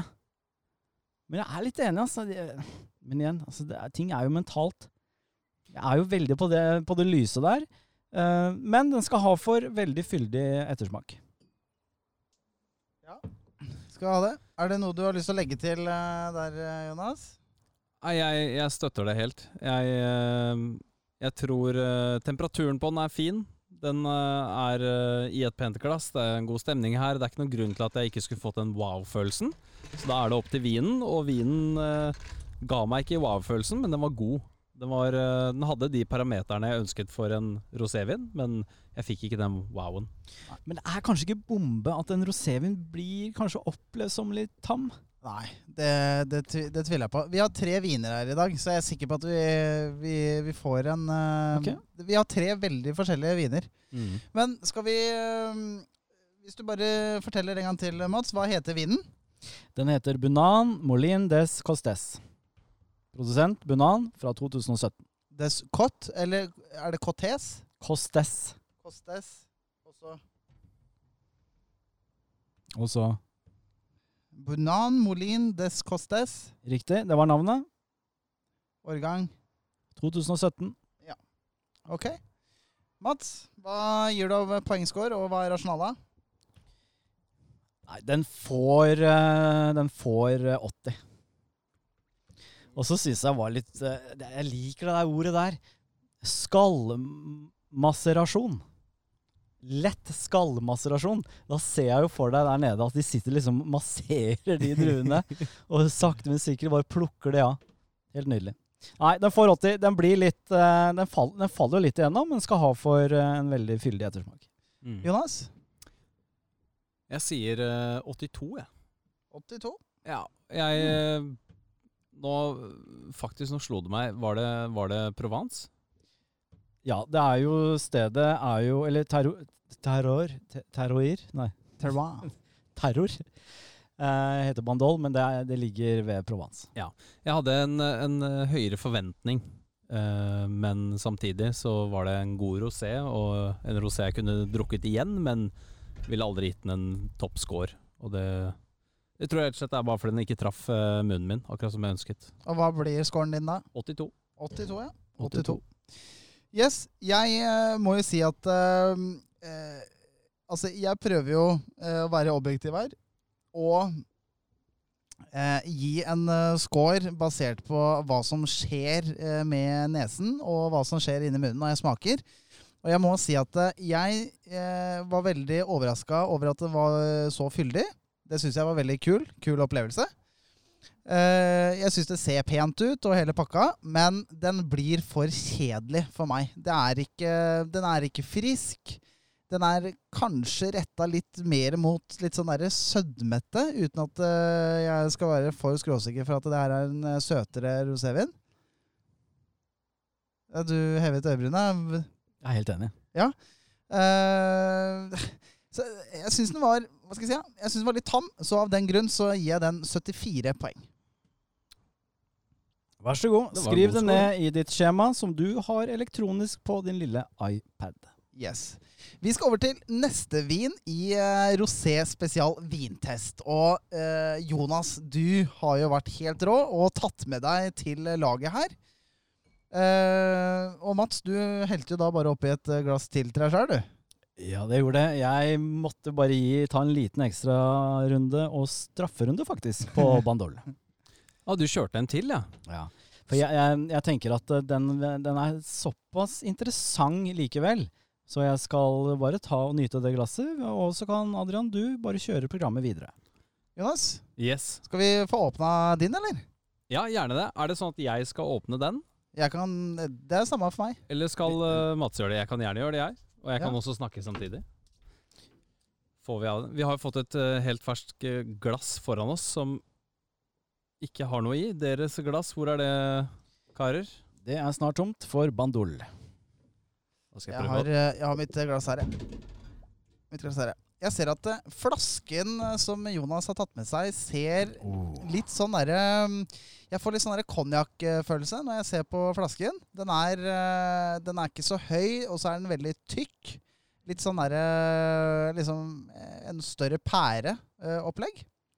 Det er nok ikke Det er nok ikke sånn folk ser for seg en rosévinflaske, og ikke en vanlig vinflaske heller. Støtter det. Den ser ut som en konjakkflaske. Mm. Den er jo kjempegjennomsiktig. Men se ser. så fin den er i sola, da.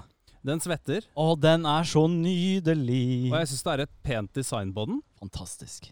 Og jeg vil faktisk tørre å si at selv om vi ikke ser det nå fordi den svetter, så er den mer gjennomsiktig enn Mats sin. Ja, det, det, det, altså I sollys så kan det nesten se ut som vann. Faktisk. Ja, helt nydelig, den der, altså. Men i, med, med dugget så skinner det gjennom at den har en veldig veldig sånn der lyse, lyseoransje farge på seg. Nesten litt sånn lysegul, faktisk. Ja, jeg syns den ser helt perfekt ut.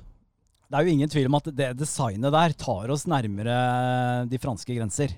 Men en, en ting som er viktig å si om flasketyper og sånt, da, det er at eh, veldig ofte så er disse flasketypene de er, eh, eh, altså de er jo styrt av de appellasjonene som vinprodusenten eh, ligger under. Jeg tror du skal nevne hva du mener med appellasjoner.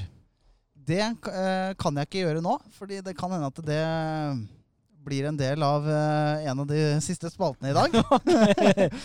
som, eh, hvor dere skal konkurrere. Så Ja, jeg- har, Men Adrian, vi har jo snakket litt om at vi, vi skal vel ta en liten runddans tilbake i tid også, slik at vi kan eventuelt eh, oppdatere nye lyttere. Så de kommer, eh, kommer up to date, up to speed, da, hva gjelder kunnskap. Ja, jeg kan bare sånn kort fortalt, da. Grunn Fy faen, det er ser ut som vann, jo! Det ser ut som vann! Det er rosa drink. Det ser ut som vann. Det er jo ikke rosa, det her. Det er det lyseste du får, da. Ja, Ja, det er det nok. Det er det nok. Men uh, i hvert fall, eh, poenget mitt med denne flasken her er jo at eh, det er jo egne regler for uh, i ulike områder for hva slags type flaskedesign du kan ha. Og det er jo for at alle vinprodusentene innenfor da ett område, som har da sin eh, altså sitt klima, sitt mikroklima, sitt jordsmonn osv., skal konkurrere på noenlunde samme eh, Like premisser. like premisser, ja. Ikke sant? Eh, og derfor så kan du ikke bare ha designe disse flaskene alt ettersom, da. Men Jonas, eh, har du lyst til å presentere det du har tatt med deg i dag, eller? Det kan jeg gjøre. Ja. Dette er jo da en, eh, en fransk vin, som vi egentlig allerede har sagt. Den er ifra opprinnelsesstedet til uh, rosévin, som er Provence. Vi er i Provence igjen. Vi er i Provence er i igjen. Og det er vanskelig å komme seg utenfor. Men kan vi, hvorfor er vi i Provence? Var det liksom fødestedet for rosévin, liksom? Det var det. det, var det. Ja. Det står eh, ganske svart på hvitt. Og i tillegg så er Frankrike mest kjent for rosévin.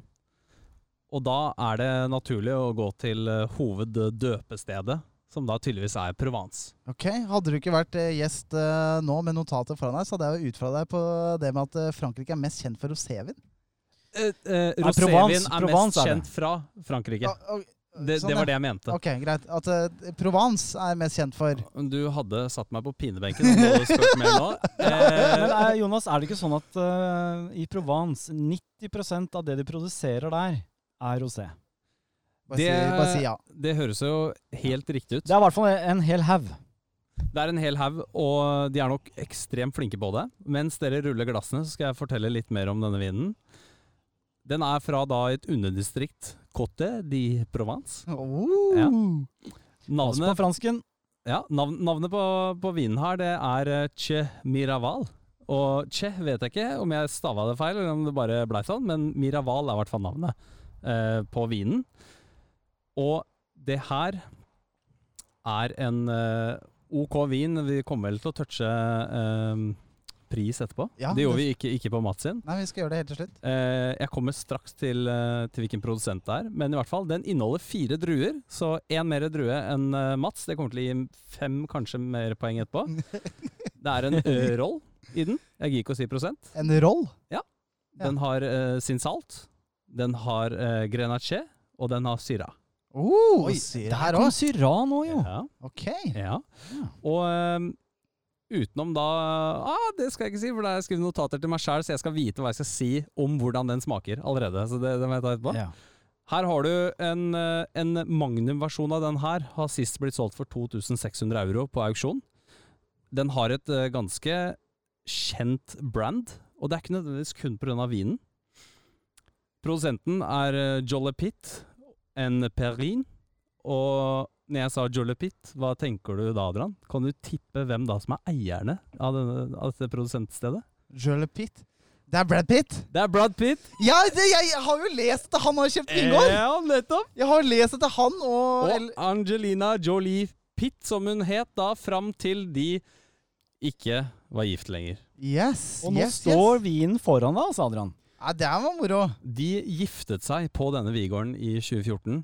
Eh, og jeg har sett bilder fra vingården, det ser helt fantastisk ut. Og når historien er god, da er det veldig vanskelig å, å gi den en dårlig score, så jeg håper at det kan være med å løfte. Det er ikke vits å prøve å påvirke meg, for jeg er eh, Jeg er eh, Kritisk og er vi Men det er en detalj som du ikke har tatt med her, Jonas. Ja, Som jeg legger merke til. Hvis jeg kan få flasken her. det kan du få. Fordi 13 Skal du prate lenge nå, eller er vi snart uh, Nei, der, der står det, ja. Der står det. Det står årstallet også. Det er 2019. Ja, Fordi- det sa jeg ikke noe om. Men, men eh, Jonas, er det ikke sånn at hvis du har litt grann vekttall innenfor marketing der, så har du jeg- kanskje lagt på 100 kroner pga. det navnet der? Nå hadde jeg et skikkelig godt poeng her, Mats. Okay. Som jeg tror Ja, men det, eh, poenget står seg, det. Ja, fordi grunnen til uh, hvorfor jeg uh, spurte om å se flasken, er fordi at på baksiden så står det da årstallet, ikke på framsiden. Ja. Det er også viktig å si at den flasken her eh, gir ikke så veldig mye informasjon uh, på seg. Veldig sånn der minimalistisk, enkelt emblem, liksom. Det er ikke noen store lapper. Fordi hvis det ikke hadde da vært årstall på den, hva hadde det vært da, Mats? Hva betyr det hvis en vinflaske ikke viser årstallet?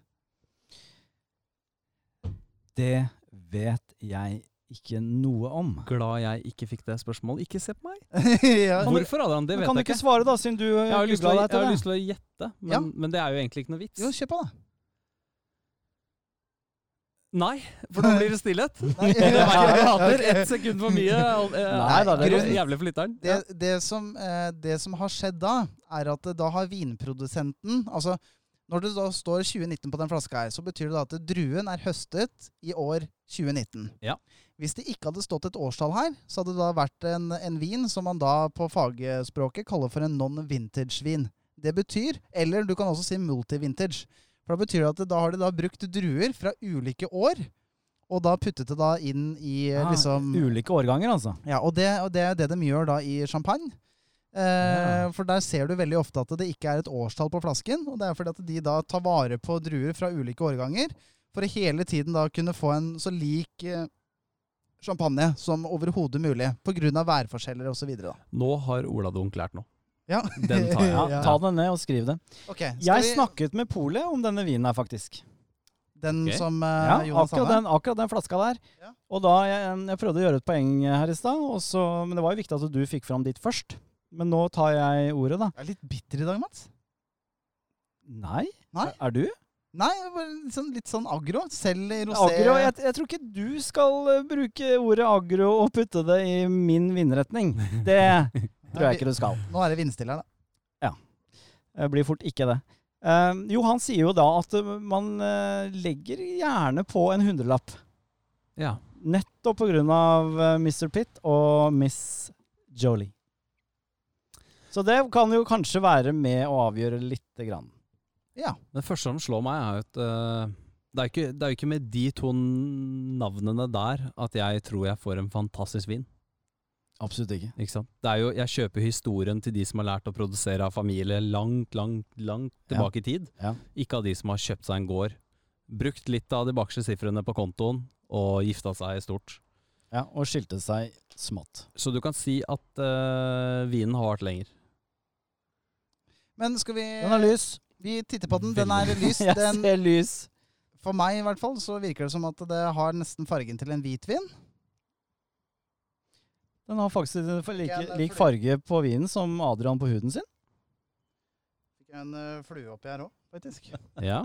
Nei, den, den, ha, den har jo en klar rosa detalj, men den er kjempelys. Ja, det, det, nå har vi også sola rett mot den nå, da. Så det bidrar. Og det er jo sånn det skal være da, når man drikker rosé. Skal vi lukte da på Brad og Angelina? Skal vi gjøre det? Lukter nesten ingenting, spør du meg. Adrian. Ah. Jeg lukta jævla lite. Vil du ha romahjulet? Det hjelper meg jo ikke når jeg ikke lukter noe. Nei, jeg støtter den. Lukta veldig lite Ja. i Ja. forhold. Den har, den har u ufattelig lite lukt, den her.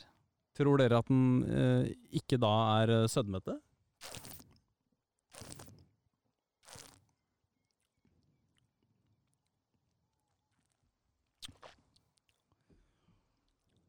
Ha. Den smakte i hvert fall litt mer enn den lukta. Ja, Det her er rosévin for meg. Ja, det er det. Å, fy fader. Og det er ingen smak. Veldig vanskelig å vite hva man smaker på det her. Den her var um, veldig mye mer uh, Har veldig mye mer syre i seg. Også litt fyldig, mener jeg.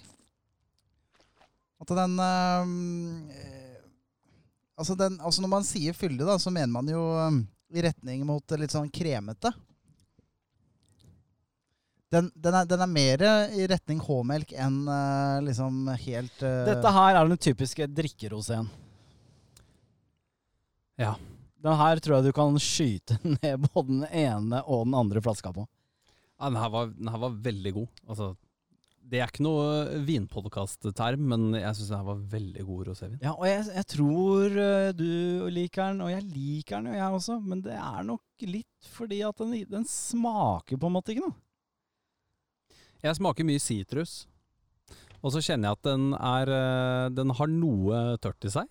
Litt tørr på tunga og i, i ganen. Men sitrusen er helt klar. Jeg vet ikke om dere er enig i det? Jo, jeg kan være med på den. Jeg kan være med på den. Men hva er det Altså, du nevnte jo tre-fire druer, nevnte du her. Mm. Det var uh, Sinalt. Ja. Det var uh, Grenache. Ja. Det var uh, Syrah. ja, og så var det roll. Rolle. Så roll, ja. ja. Men hva var det, hvilken drue var det det var mest av? Noterte du det? Å, det er jeg nesten 100% sikker på at var Grenache eller Sinault. Ja, Sinsalt. ok. Ja. Nei, jeg syns det var um, Men den blir uh, Sånn smaksopplevelsesmessig, så syns jeg den er, den er veldig drikkende. Veldig lett. Ja, her har ikke skallet ligget øh, lenge med mosen, altså. Nei, og det Det her tror jeg bare har vært et lite sånn der dypp. Det ser du også kanskje på fargen. Altså, den er, øh, den er jo nesten helt blank. Og det, Men- er, men- det, er, en drikk, det er en drikkevin. Men- det skal være en, en lett jobben. vin. Og den scorer uh, godt, kanskje, som vi touchet inn på i stad, pga. brandet. Men uh, samtidig så Den skal ha godt med røde bær i seg, og et veldig stort hint av aromaer og sitrus. Men jeg, jeg tror den scorer høyt på at den er lett å drikke. Er er- veldig, veldig ja. enkel, Men jeg får ikke noe, jeg får ikke noe rå opplevelse av å vite at uh, Braddy Boy og Angry Girl har uh, laga det. Nei, det mener jeg, altså. Mirabolds. Nei, men for, øh, for uh, snittet av folk så har nok det en ganske stor betydning. Da. Men, jeg, men jeg tror det her er nok uh, Dette er rosé. Og igjen denne konteksten her på plattingen i Nordre Follo. Men hva er det du mener når dette her er rosé? Nei, en rosé den glir, rett, den glir enkelt ned. Den er fin å se på, og den, øh, den passer seg i sola. Avkjølende, sitrus, lett å drikke. Jeg bare syns at det, det, det blir for lett å si, ass. Altså eh, Ja, men hvor har du Er det ikke vin for faen, da? Jo, men du Altså det, det, det vi drakk i stad også, var jo også en rosévin. Ja, men, og den slakta du også, da. Nei, men jeg har ikke, jeg, har- jeg har ikke slakta den her. Jeg sa bare at den du hadde, den, den blei eh, litt for kjedelig. Men det var også en rosévin, på samme Ja. måte som du ga 59 poeng på den pinot noiren. ja, den, Men, men den for- har du ikke glemt, da. For, for i konteksten, da. Det her er eh, til Adrian. Du sier du har ikke drikket så mye rosé, og jeg, jeg har en følelse når jeg drikker rosé. Det, he- det her er den Jeg også. smaken jeg kjenner igjen i de gangene jeg drikker rosé og jeg koser meg. Ja, men da, er da mener jeg at da er vi tilbake igjen til uh, det som uh, jeg har diskutert med Mats om, at uh, du har du, Altså, hvis du ikke og, ikke? Vi, har jo, vi, vi kan jo ikke nok om vin. Nei. Så eh, du har kanskje holdt deg i en eller annen retning, da. Så da, da får man liksom Ok, det her er rosévin. Mm. På samme måte som jeg trodde at eh, rødvin for meg, det var det som eh, da blei kraftig og jeg skulle ha til biffen. Mm. Som ikke jeg satt så stor pris på, ikke sant. Mm. Men så fant jeg ut at eh, ok, du har noe som heter gamay, du har noe som heter pinot noir. Mye enklere, mye friskere. Jo, men forskjellen her er jo at både jeg og Jonas har gode erfaringer med rosé. Både på smak og hvor vi har vært, og kontekst og omgivelser og alt det der. Ja. Så dette her, som Jonas sier, han henter jo bare opp disse følelsene igjen han nå. Mm. Og bare OK, dette er rosé for meg. Og det jeg tror eh, du da føler på, det er at eh, den er lettdrikkelig. Den har jo litt si- sitruspreg. Eh, den er ikke syrlig, men er, liksom, den er, frisk. Og, den, og smaken tar deg tilbake til et sted du var i en eller annen deilig omgivelse. Det er noe annet enn å si fra den rødvinserfaringen du hadde, Adrian. Da er det plutselig du kommer inn i pinot noir-verden. For da, hadde du, da var utgangspunktet at du hadde en dårlig opplevelse. Kan jeg låne de solbrillene dine i eh, ti minutter? Her. Ja, Nei, men du har jo sola på deg. Det har ikke han derre ja, det er bare det at eh, jeg har styrke i de. Har du noen solbriller, da? Vi eh, Nei, jeg kan låne det. Jeg trenger, Ja. bare, jeg trenger bare fem minutter, for nå sitter jeg og er myser. Og så godt sitter vi til, faktisk. Ja. Og det er jo det er derfor det er jeg, må, så jeg må deilig med rosé si rosé jeg, jeg, er, litt skuffa etter to roséviner. Jeg er litt skuffa. Ja, og men det som er interessant da, det er at du var jo antageligvis litt Nå fikk jeg nå kommer det ja, det faktisk service eh, solbriller. fra din samboer. Du får jo igjen, Adrian, nå får du bekrefta det du eh, tenkte før sending. Ja, men jeg, hva, hva er det man kaller det? Sånn der selvopphettede profeti? Selvoppfyllende profeti. Ja, det, og det er ikke det jeg ønsker at det skal være. Det blir fort det. Ja, jeg veit det, men det er ikke det jeg ønsker at det skal være. Det er bare at jeg syns det var litt eh, Jo, men eh, grunnen til at jeg er litt på den der Å ja takk, gjerne. Ja, Det sier litt når alle tre ønsker påfyll. ja, Da det, har Rosén treffet deg, Adrian. ja, men jeg er tørst. Ja, og den er avkjølende. Ja. Ja, Men, ja, ja. men, men her, er, her er litt av greia. Vi drikker den, eh, ban, eh, den bandittvinen som jeg eh, fikk røska med meg der. Og den Det er ikke den vi ber om påfyll på nå. Den, den hadde et eh, sterkere farge, som jeg alltid har advart alle Mm. kompiser og venner og uvenner og til og med familiemedlemmer. Ikke drikk rosé eh, som har mørk farge. Og så spør, ja, eller de spør hvorfor det. Nei, Jeg vet ikke det, jeg, vet, jeg vet ikke hva jeg skal svare. ikke sant? Nei, fordi den er mørk. Eller egentlig så minner faktisk eh, mørk rosé meg om Vet du hva den minner meg om? Campari. Altså, det? nei, det var noe mutter'n drakk på 80-tallet der, altså. Det er en mørk sånn Nei, det er forferdelig smak. Og så hadde hun, hun blanda med juice. OK. Dårlige minner. Dårlige minner med, mør, med mørk da, eh, rosé der. Men den eh, roséen Jonas har med her nå, som du helt deilig eh, sa i stad, dette er rosé. Ja, og okay. jeg støtter uh, poenget ditt, Adrian. Jeg, jeg, nå, nå blir jeg midt imellom her. Helt enig, Mats. Og så støtter jeg også Adrian. Vi har jo nå uh, Jeg kjente det med en gang. Dette her er rosé for meg. Nå er jeg komfortabel. Og så har vi smakt på en hvor jeg blei litt ukomfortabel fordi det var for mye fylde i den. Det var, Ja, ikke, det var ikke like sitrus for, For, meg. for mye fylde. Ja, den traff meg ikke helt, men jeg tror at når jeg treffer en annen som er på en helt annen verden av det jeg er vant med rosé, så blir Ja. jeg positivt overrasket, men jeg blei ikke det av eh, Bunan. Ja. Ja. Bunan uh, Molin Descoté 2017. ja. Sånn som når du presenterte Elgen Vintners. Ja. Det slo meg ut av stolen. Ja. Det var en vin jeg aldri var klar for å drikke. Jeg har vært åpen for mange rødviner, men jeg har hatt min komfortsone. Der prøvde jeg en som virkelig traff. Ja. Ikke sant? Og det tror jeg vi skal klare å komme til med rosé, men denne her, der gikk jeg rett inn i sofakroken igjen. Og nå koser jeg meg. Ja. Ja. Nei, det, jeg Og ba om påfyll. Ja, jeg, jeg syns det, er- det er interessant å kjøre rosé. Jeg, jeg må si det. Jeg syns det er interessant, men det er øh, øh, Men uten Altså uten å kategorisere eh, rosé og hvitvin og rødvin og liksom hva den er, da. Hvis jeg skal kun bare tenke på smaksopplevelse, så syns jeg fortsatt at eh, det er litt for enkelt for meg. Ja. Eh, det, det er bare et eller annet med at det, det her blei for enkelt. Den andre følte jeg liksom ok, eh, i hvert fall for meg, bomma litt. Men det er, det er ikke det at jeg har lukka meg for uh, rosévin for, for alltid. Jeg bare sier at eh, ok, i hvert fall for meg nå, jeg tror dette her er litt eh, døvt. Selv om de betalte 60 millioner euro for den vingården, eller hva det var for Ja, noe. stemmer. Men Ja. det, det du trenger, Adrian, det er den ekte rosé-opplevelsen som ikke er på, på østsiden av, av Oslo. Nordre Follo. Ja, du trenger sand mellom tæra. Du trenger en sviende hud, for den har vært i sola. Du trenger solbriller som eh, faktisk er kjøpt til deg, og som passer ansiktet ditt. ikke det du har på deg nå. Du trenger et eh, saltete hår, og du trenger å vite at denne regninga blir dyr. Det er det du trenger for å få rosévinfølelsen. Ja, og da er du ikke i Thailand. Ok, Nei, jeg tror den kommer, Adra, men det er når du stikker og besøker vingårder. Greit. Hva, Det- heter, det hva heter, flaska igjen? Den heter uh, Miraval, Miraval. og det er en 2019, og det er Provence. 2019. 2019, ja.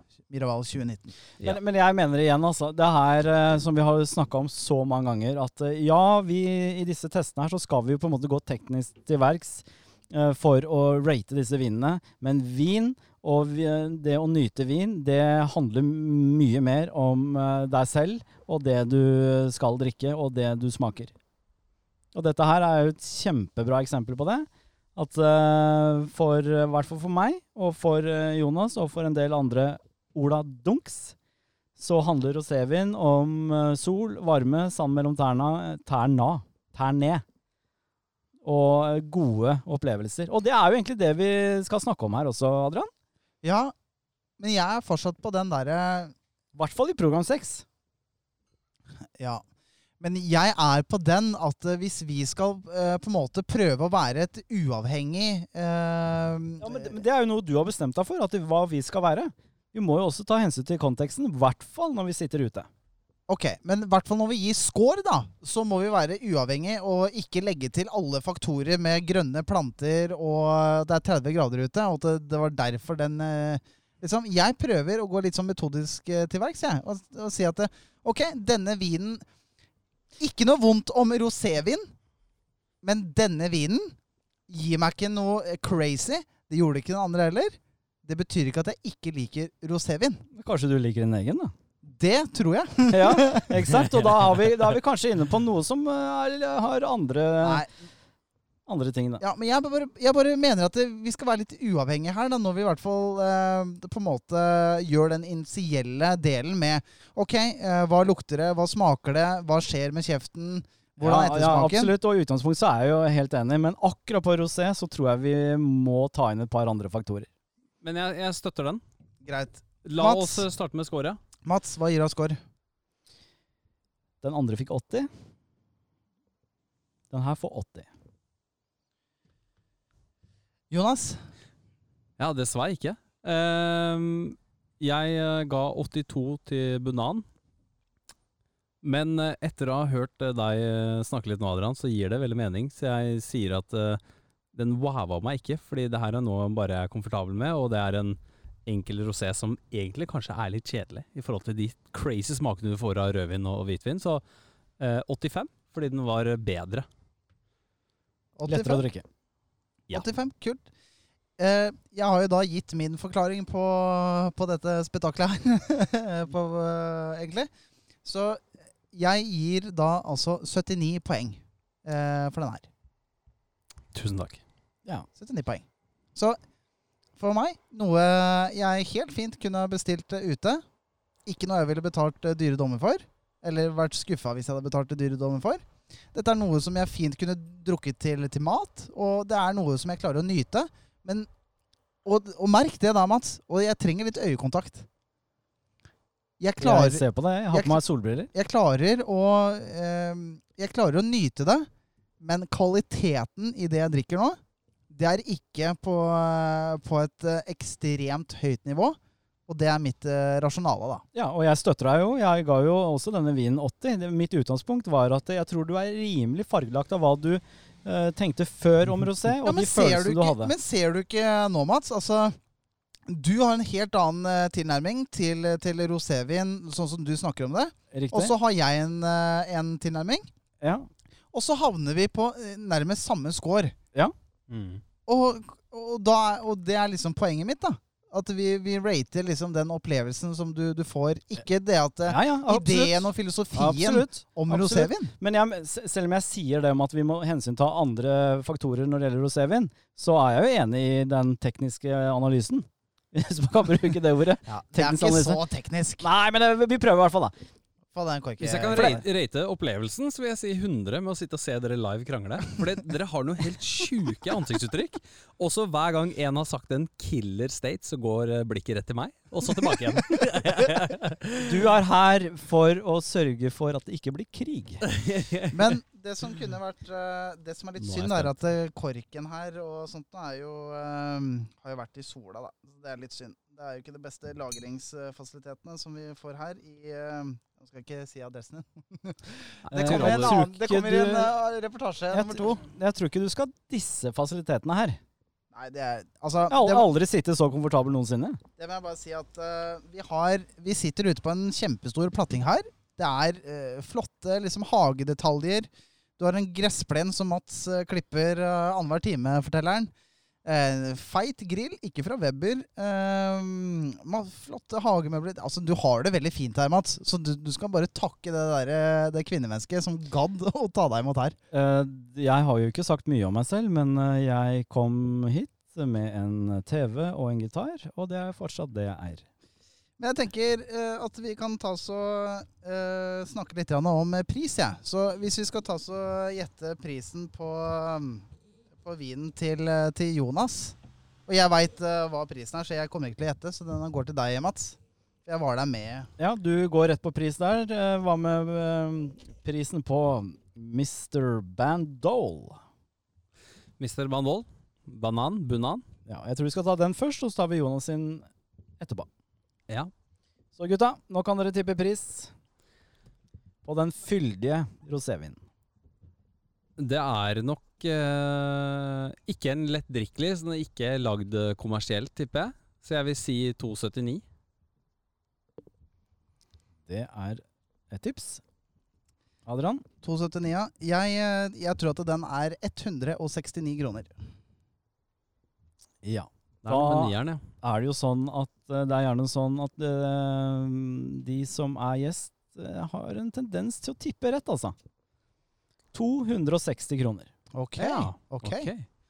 Og hva med da vinen til eh, Jonas, som eh, var da en Miraval fra 2019, produsert fra vingård til Angelina Jolie og Brad okay. Pitt? Og vi må legge til at det er en, det er en kar her som eh, også det, eier halve, halve vingården.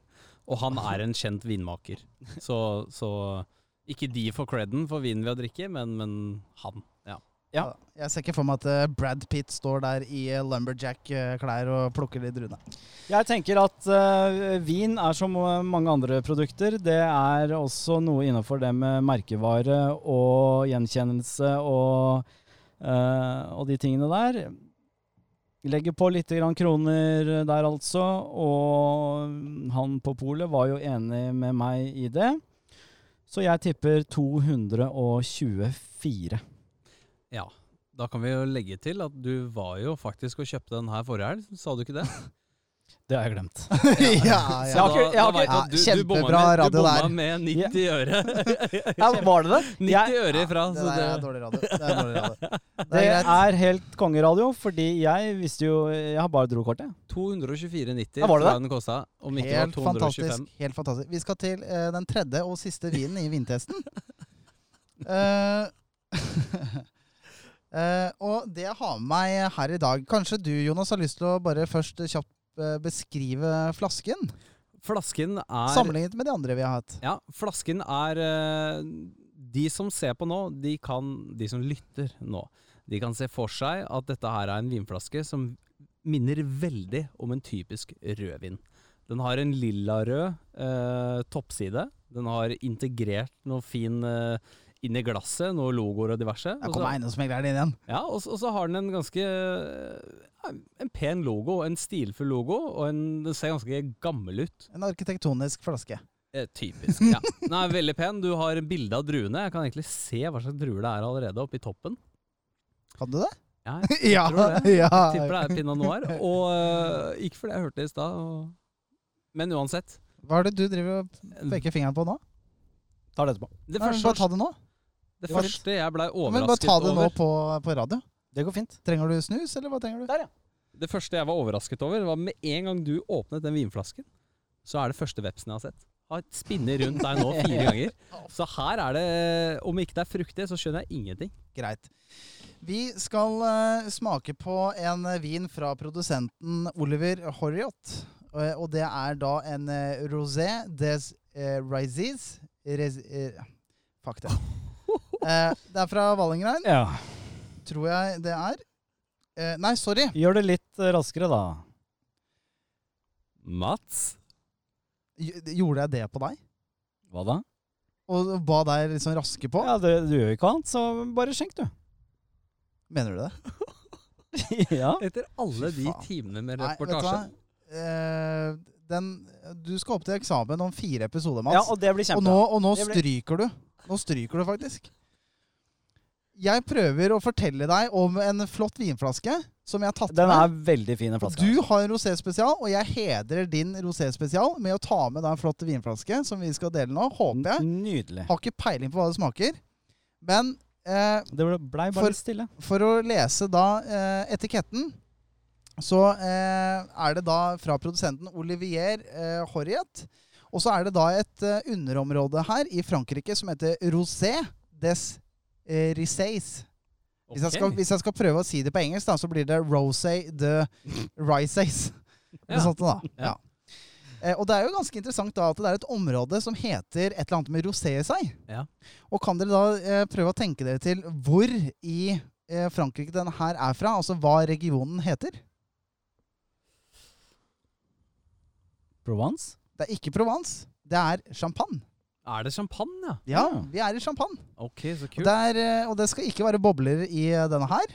Fordi det var jo en, eh, en, naturkork Ja. som vi skrudde opp.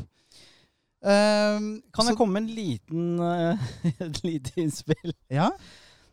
Det er jo sånn at uh, de fleste roséflasker er lyse. ja. Uh, og det, i forhold til andre viner, så skal jo ikke de være lyse, for det har noe med at det lyset ikke skal slippes inn, for det forringer kvaliteten. I don't know why. Eller jeg Riktig. tror kanskje jeg vet, det, uh, hvis jeg begynner å tenke på den. Den flaska du har tatt med nå, den er mørk. Den er mørk. Det er helt riktig. Så derfor har jo du vært spesiell igjen. Yes. Og ehm, det fagekspertene sier her, da, før jeg heller opp til dere karer, er jo at eh, det å ha lyse flasker på rosévin, Mm. det er en salgsgimmick. Ok. Fordi at eh, produsentene ønsker da å vise innholdet fordi at det har en eller annen sånn feeling ved seg, ikke sant? Mats? Det har en eller annen sånn eh, feel, feeling ved seg. Absolutt. Så du, du det- ser innholdet. Du, du- ser, du ser den fine rosa fargen. Men det øh, er ikke like positivt for kvaliteten. Fordi dette, som vi veit, Mats, skal du lagre da vin, så skal det ikke ha så mye lys i seg. Nei, men igjen så skal jo de, de fleste roséer ikke lagres heller, så derfor har vel de tenkt det at eh, lys glass, det går helt fint. Men det er jo en veldig mørk flaske. Det er en mørk flaske. Det ser jo ut som en rødvinflaske. Ja, og- Årgangen Ja, Ja, fortell. årgangen er fra 2015. Ja, fordi det første som slo meg, var at det er den eneste flasken hittil hvor etiketten smuldrer opp bak. Mhm. Hva tror Oi. dere grunnen er? er? Er dette her en lagringsvin? Ja, Og det er det jo må- når du sier 2015, Du må ikke glemme at den har vært nedi her eh, også, da. Så Ja. det har noe å si. Så, men når, når vi ser at den her er eh, Dette er glasset ditt, eh, Jonas? Ja. Ja, Den her har vært uh, da Oi, i uh, Oi da. Der snakker vi rød saft. Det er til deg, Mats? For de som er kjent med Roma, Den er min. Roma-saft. Ja, Dette var tre nye glass som uh, Jeg har vært og hentet det, Mats. Ja. Så denne her er da fra 2015. Og vi snakket jo om i stad, karer, at, uh, at uh, roséviner Og jeg håper virkelig ikke at dere begynner å lukte og drikke helt enda. Vi snakket jo om i stad at eh, roséviner ikke er eh, blir ikke produsert på den måten at de er super lagringsdyktige. Og mye av grunnen har jo med skallet, for de, de trekker ut skallet. Da får du ikke så mye tanniner. Eh, og det er jo med på å gjøre da en vin eh, mer lagringsdyktig. Nå er den her fem år gammel, så det, vi kan, det jeg tror vi kan si da, er at denne rosévinen er eh, altså mer utviklet da, enn kanskje de to andre som vi har drukket i dag. Mm. Eh, som garantert har noe å si for, for smaken også. Eh, hva slags farge er det du ser her, eh, Jonas? Jeg ser en eh, På en skala hvor eh, 100 er ildrødt, så ville jeg sagt at det her er på en 80 rød. 80 rød? 80, nesten 90, mens min var på 10, og Mats sin, Mats sin lå på 30-35. Ja, den her er rød. Den her er kjemperød. Dette er jo det jeg historisk har sagt ikke faen til. Ja. Men en, av, eh, altså en ting som er verdt å merke seg her også, er at druen som vi skal drikke i dag, karer, som er da en rosévin, er Pinot noir. pinot noir. Bombe. Helt riktig. Fantastisk. Og det er jo din fa favorittdrue enn så lenge, er det ikke det? Fy faen, bombe. Det. Det er ikke noe bombe at vi eh, får en lite innblikk på Pinogutt igjen her nå. Og jeg, Det vi som for de, for de lytterne som har giddet da, og hørt gjennom de, det året med radio, vi har holdt på i seks episoder, har jo fått med seg at jeg er jo Pino-fan, jeg nå. du, har, eller, du likte i hvert fall den ene flasken, og du blei jo i hvert fall mer tilbøyelig, vil jeg si. Jeg har drukket to uh, Pinot Noir. Den ene var uh, elgevinen. Likte jeg ikke helt annet. Skårte 59. Adrian glemmer det aldri. Og så var det en fantastisk fra uh, Det er viktig å ikke si elgevinen, da, for plutselig så er det noen nye lyttere. her. Elgevin, hva faen er det? ja, Elgen Elgen Wintners. Ja, ja.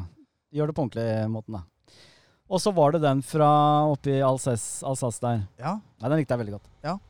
Så nå gleder jeg meg egentlig. ja, så kult, da. Så Og, jeg, kult. og igjen, det er jo det, Adrian. Du blir jo glad når jeg er glad. Ja.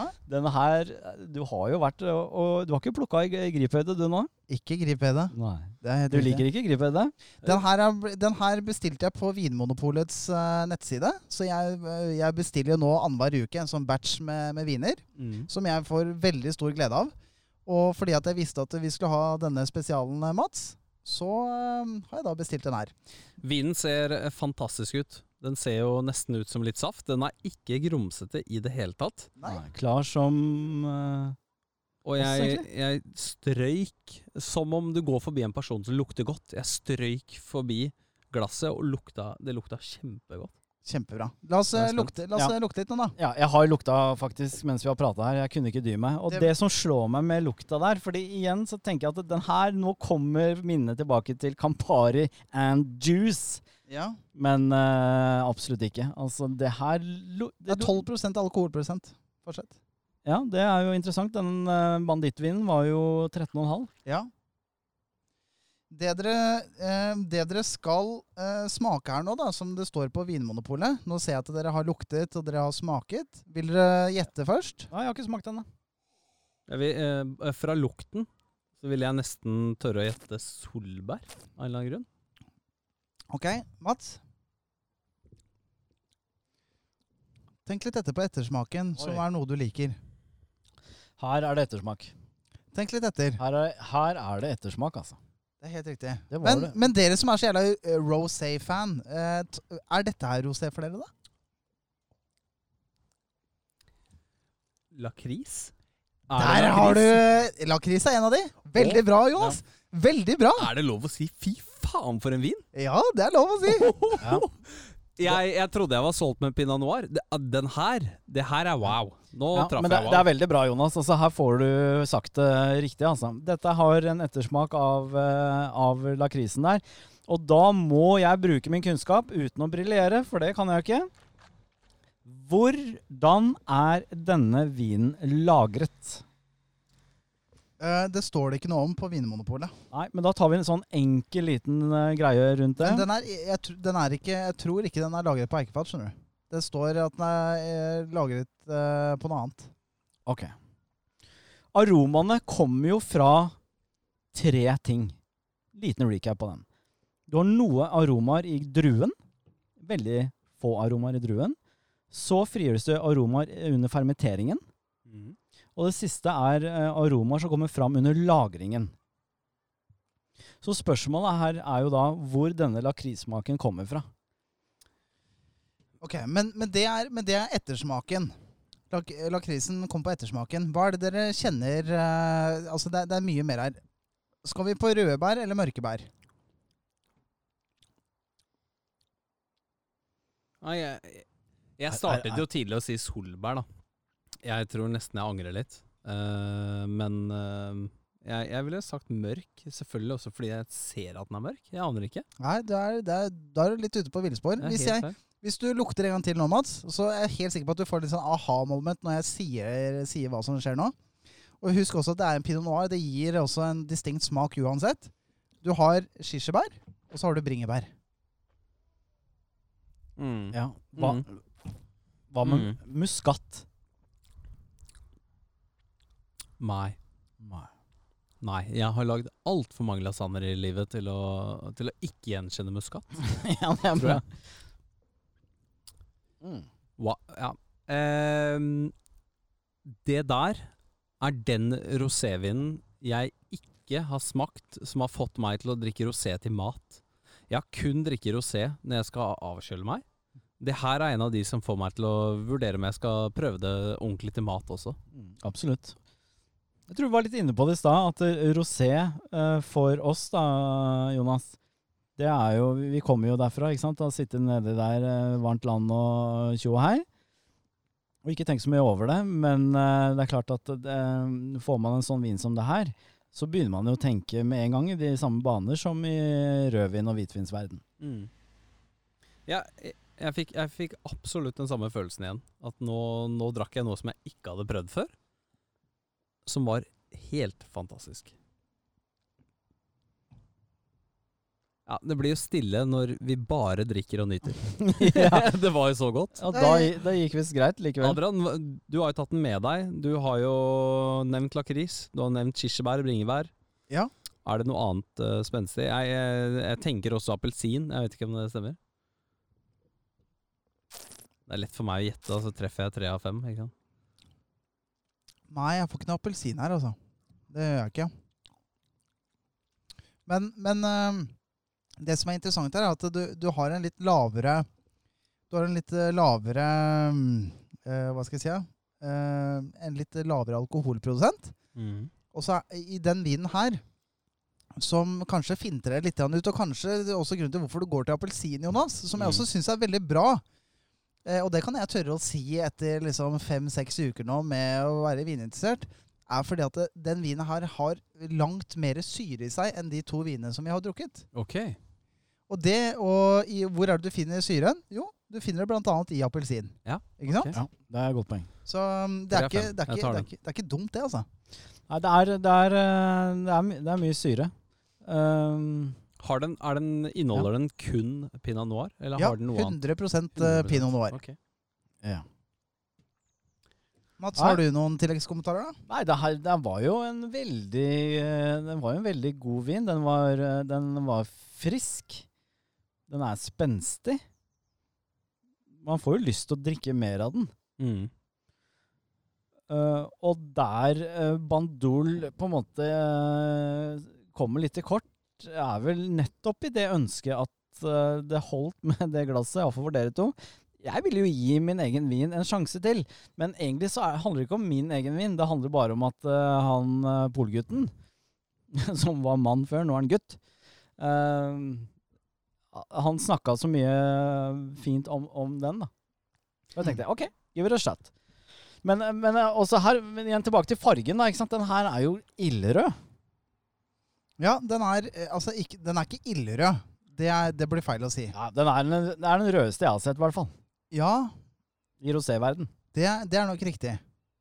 Men det har jo mer med produksjonsprosessen å gjøre. Ikke så veldig mye om om at det er rosé eller ikke. De har jo produsert den som at det er en rosévin. Jo da, men uh, da har jo skallet ligget sammen med mosten uh, lenge, og det er jo det er vel ikke bare fargestoffer uh, som frigjøres der. Du har jo også disse tanninene. Men det er ikke mye tanniner her. Nei, men det, men det frigjør jo en del andre sånn smaksgreier, da, antageligvis. Ok, skal vi gå til å gi score? Ja. Jonas? Ja. Så uh, opplevelsen var uh, utrolig stor. Så ut, opplevelsen ville fått en, en kjempebra score. Vinen er for meg kjempespenstig. Helt ut av komfortsonen.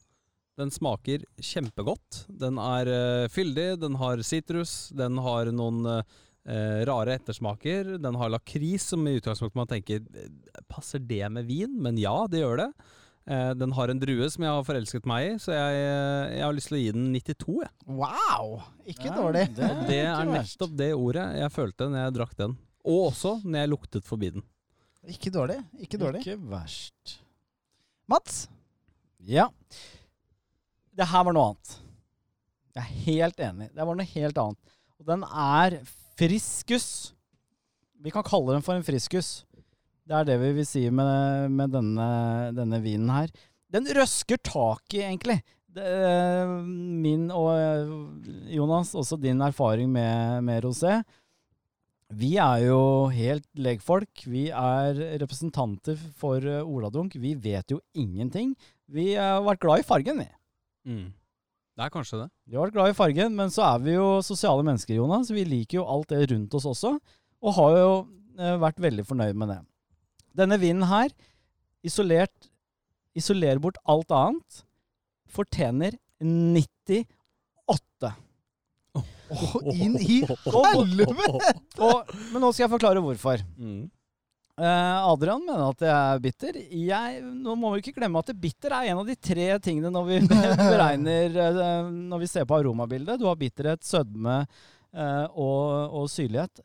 Og den her har en fantastisk syrlighet. Men det er Jeg tror utgangspunktet mitt for denne vurderingen, det er presentasjonen av flaska. Den kjører jo på her med mørkt glass. Mhm. Og rent sånn vinfaglig så skal det jo være mørkt glass, for det lyset kødder med vinen på en eller annen merkelig måte. Og så får vi se den i, i glasset vårt, og der er den jo kjemperød og, og klar, klar i fargen. Og så ser jeg Eller jeg, jeg så rundt meg, da. Eller rundt meg. Altså det er to karer her i tillegg til meg. Og det blei stille på radio. Og for første gang i mitt lille liv på radio, så var det greit. For Adrian også. Så 98 pluss Jeg er ikke ferdig. Adrian, igjen. Nå er Adrian glad igjen, for dere som gidder å bry dere om Hans Lynne. Dette er jo bare noe du kunne ha funnet til dette lille bord. Men det er high risk, high reward. Det er noe som oppsummerer livet ditt, Adrian. Og um, igjen, du gjør det her. Du dro til Engerdal med en hvitvin til en lasagne. Bom! Du drar til, eh, til en eh, vinsmaking her sammen med oss. Igjen, hodet ganske høyt, tenker at dette kommer til å funke. Og nå treffer du. Ja. Nå fikk du hele oddsen tilbake, og nå kan du ta ut penga. Ja, ikke dårlig. Ja. Fantastisk sidekommentar der. Jeg har bare en lille li remark.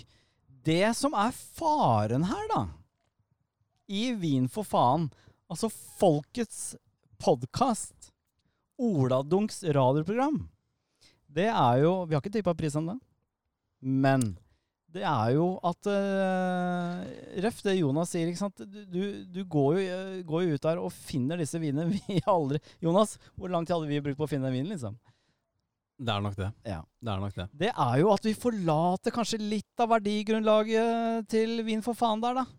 Nja Men, men det er bare en liten parentes. Der, der vil jeg stoppe deg.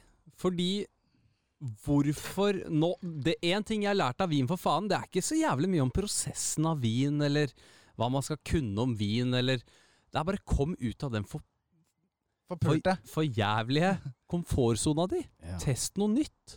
Ja. Prøv noe nytt. Få andre smaker. Finn andre druer. Og gjerne også lær liksom hvordan du skal fortelle historien, men det er bare en bonus. Prøv ny vin. Ikke gå til Masi, Tomasi, alle disse alt på B fra Italia. Prøv noe nytt. Elgin Wintners, min største favoritt. Denne enn så lenge av rosé, min største favoritt. To jeg aldri hadde kjøpt hvis ikke jeg hadde hørt på Vind for faen, eller blitt uh, medlem her. jeg kommer ikke neste uke. Jo, men, ja. men Det er- det kan jeg få en- komme en kommentar til det lille stikket ditt der, Mats? Eh, Fordi- jeg vil ikke si at det var en stikk, det var bare en liten sånn Ja, var- parentes. Ja. Etter å, etter å ha gitt deg 98 Ok. Først Du gir ikke meg 98 poeng, for altså, jeg håper du virkelig Altså, Har du lyst til å eh, endre? For jeg håper at du fikk en så god opplevelse med vinen. Altså, det er jo Ja, jeg gir ikke deg 98. Det ville jo vært uh, ekstraordinært. Ja. Men poeng, poenget mitt er, Mats, at eh, Og dette her satt jeg faktisk og funderte litt på for et, for et par dager siden. Og jeg drev og så liksom på Ok, nå, nå skal dere gjette Nå skal dere gjette prisen etterpå, da. Det, det, er, så, det er ikke så farlig.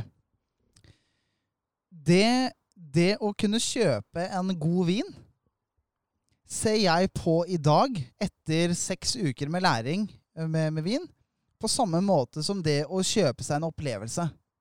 Stikker du på Tusenfryd og er der i to timer og blir drittlei og må være der to timer til, så må du fort ut med en tusenlapp for å være der.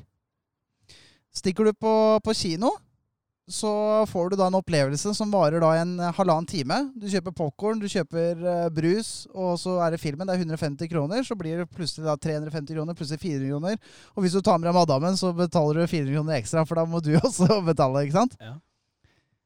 Det jeg ser på vi nå, det er en opplevelse. Det er en attraksjon for meg. Og da eh, betyr ikke det noe hva den koster her eller der, men da er det en opplevelse som jeg husker.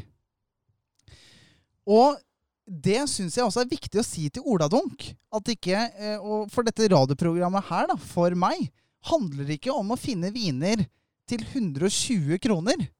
Fordi at Ola Dunk drikker ikke like mye vin som meg. Ola Dunk drikker kanskje da en vin en gang i helga, annenhver helg, kanskje bare en gang i måneden. Og hvis du da bare drikker da så eh, sjeldent, og først skal kjøpe en vin, så er i hvert fall min liksom eh, kamp, da, det er å teste viner som er av en bra kvalitet, som, som vi er enige om, da, Mats, og nå Jonas. Og da syns jeg at, det, at det, da er ikke pris så jævlig farlig, fordi du kjøper en opplevelse. Ja, Ing, ingen går konk av de vinene som er presentert enn så lenge, Nei, tror jeg. ja, absolutt. Nå veit ikke jeg prisen på den her. Jeg har en formening. Det er du går ikke konk av det. Du ødelegger ikke feriepengene dine. Du ødelegger ingenting. Du bare får en helt annen opplevelse enn det du ante. Jeg er jo enig i det igjen, Adrian. Men jeg, jeg tror det er også viktig at eh, Jeg tror du må se på det spørsmålet jeg stiller, eller bemerkningene jeg gjør i parentes. Og parentes på radio er veldig vanskelig, for det er ikke alle, alle som ser det. Men det, Få øyekontakt med det. ja. Ja. Men det gjør at du får lov til å presisere akkurat det der. For det hadde jeg ikke, hadde jeg ikke eh, gitt denne bemerkningen, så hadde du ikke fått anledning til å faktisk presisere det. Og det er et jævlig godt poeng du har. Eh, at det her handler om Uh, Hei, nå kom det en veps igjen. Jeg følger etter deg, Adrian, fra når du holdt på med det andre greiene i stad. Ja. For noen dager siden. Så nei, du, du, har- du har jo et kjempepoeng der. ehm, men likevel, som jeg også har sagt tidligere, at uh, vin er jo også et prisspørsmål. Og du har jo din situasjon økonomisk, og noen andre har sin situasjon økonomisk. Og det vil jo påvirke. Men jeg er jo helt enig at eh, det er jo bedre Eller kanskje man skal fundere på, da. Å kutte ned på andre ting. For å frigjøre et lite budsjett til nettopp vinkjøpet. Hvis, For det, alt handler in the end of the day om prioritering. hvis den summen som eh, er i Vin for faen, eh, med den ene vinen som du da har lyst til å drikke fordi at vi testet den Hvis det er det om å gjøre altså, men, men jeg tror ikke det, da. Jeg velger å ikke tro det. Men nå kommer det jo ingen vin i dette programmet til Oladunk. Utenom kanskje én fra en auksjon, kanskje sen, senere en gang. Men, men det, er, det kommer ingen vin her som blir eh, snakket om eh, i utgangspunktet som er for dyr for Oladunk heller. Nei. Det er rett og slett det å legge igjen 200 kroner ekstra for det lille ekstra smilet. Akkurat som at du kjøpte en bedre driver, for da Mm. fikk du en bedre opplevelse. Du kjøpte en bedre ski, fordi de hadde feller. Du Mm. kjøpte deg et eh, bedre sesongkort, og du trener med nye klær, ikke brukte klær. Det er det samme utgangspunktet, og det støtter jeg 100% Hva, Adrian, er det du syns om rosévin etter å ha drikket denne? Ja, jeg Altså, igjen da, så vil jeg bare si at det, eh, jeg syns det er en interessant smaksopplevelse som jeg får ved å drikke rosé. Jeg skjønner hvor dere vil hen når dere snakker om eh, at det er varmt, du sitter i shortsen, du soler deg, du har sand mellom tæra. Jeg skjønner den opplevelsen av rosévin. Og hvis det er den opplevelsen vi nordmenn skal ha om rosévin, hvis det er det som har vært eh, brandet med rosévin, så kjøper jeg det. Jeg er sikker på at du kan få en helt annen kultur med rosévin et annet sted, men i hvert fall i Norge. Jeg kjøper den. I dag så føler jeg at eh, det er interessant å få um, altså roséviner og den smaksopplevelsen som er veldig mye lettere, enklere. Det her Vi har jo drikket pinot noir før, Mats. Det her er Ja. en enklere pinot noir. Ja. Det er det. Den er, eh, altså det er lavere alkoholprosent. Det er, ikke, altså det er greit med syre, men det er ikke like mye syre. Den her er balansert. Den første vi eh, smakte fra deg, Mats, jeg syns det var kjempeinteressant. Masse fylde. Den, den du hadde med Jonas, ok, den kan du drikke på høykant. Det er leskedrikk. Skjønner du? Black Tower. Den kan du ta med her, trakt. Jeg tror trakt er tilbake til den. altså. Men så er det, eh, men så er det viktig for meg, da. Eh, at eh, liksom Ok, hvis jeg skal ha en god smaksopplevelse, så har jeg lyst til å gjøre mye research. Og det gjorde jeg her. Og det var veldig hyggelig at, eh, at vi fikk den opplevelsen her sammen, da. For jeg også er enig i det. Og Ja. min poengscore her er 91. 91. Ja, jeg ga jo, jeg ga jo 98, og, jeg, og det som er så bra, vet du, er at uh, man har jo noe i den der lille nøttehjernen som heter uh, refleksjon. Uh, og jeg vil Må faktisk du, må, du bare sorry, må du tisse, Jonas? Nei, det må jeg ikke. Må du, Mats? Nei. Da vil, jeg, da vil jeg si til alle som lytter på, at det er faktisk ikke noen tisspauser i denne podkasten. De kjører på i tre timer uten å Ikke Nei, mat. jeg, jeg, jeg må faktisk ha en Ikke tissepause. vann. jeg, jeg må det. Men klarer altså, Kan jeg få lov til å Ja, jeg, jeg må, kan jeg bare ta fullføre, for du avbrøt? Ja, sorry, sorry, Mats. Ja, det er egentlig en hyllest til deg, så du burde jo være interessert. Jeg er interessert. Igjen, her brøyter du fram i en uh, veldig konform uh, verden som jeg og Jonas uh, har vært i. Jeg, jeg har fortsatt du, For å si det sånn, du tar ikke fra meg opplevelsen jeg har hatt i Antibes. Du tar ikke fra meg opplevelsen jeg har hatt i Porto Banús sammen med min gode svenske venn fra Skåne, Markus. Det er heldigvis ikke det vi skal uh, Nei, det skal vi, eh, vi skal rangere, ikke. heller. Nei, det skal vi ikke. Det gjør du ikke, fordi det, det har Det med rosé har vært så veldig bra der. Men så bringer du denne vinen til oss, og det syns jeg er bra. Og igjen, det er ingen andre som gjør det. Eller det er sikkert noen som gjør det, for det fins vinnerds der ute. Ja. Men du gjør det jo i, her nå, da, og vi kan få lov til å snakke om det med de mange lyttere er det nå, egentlig?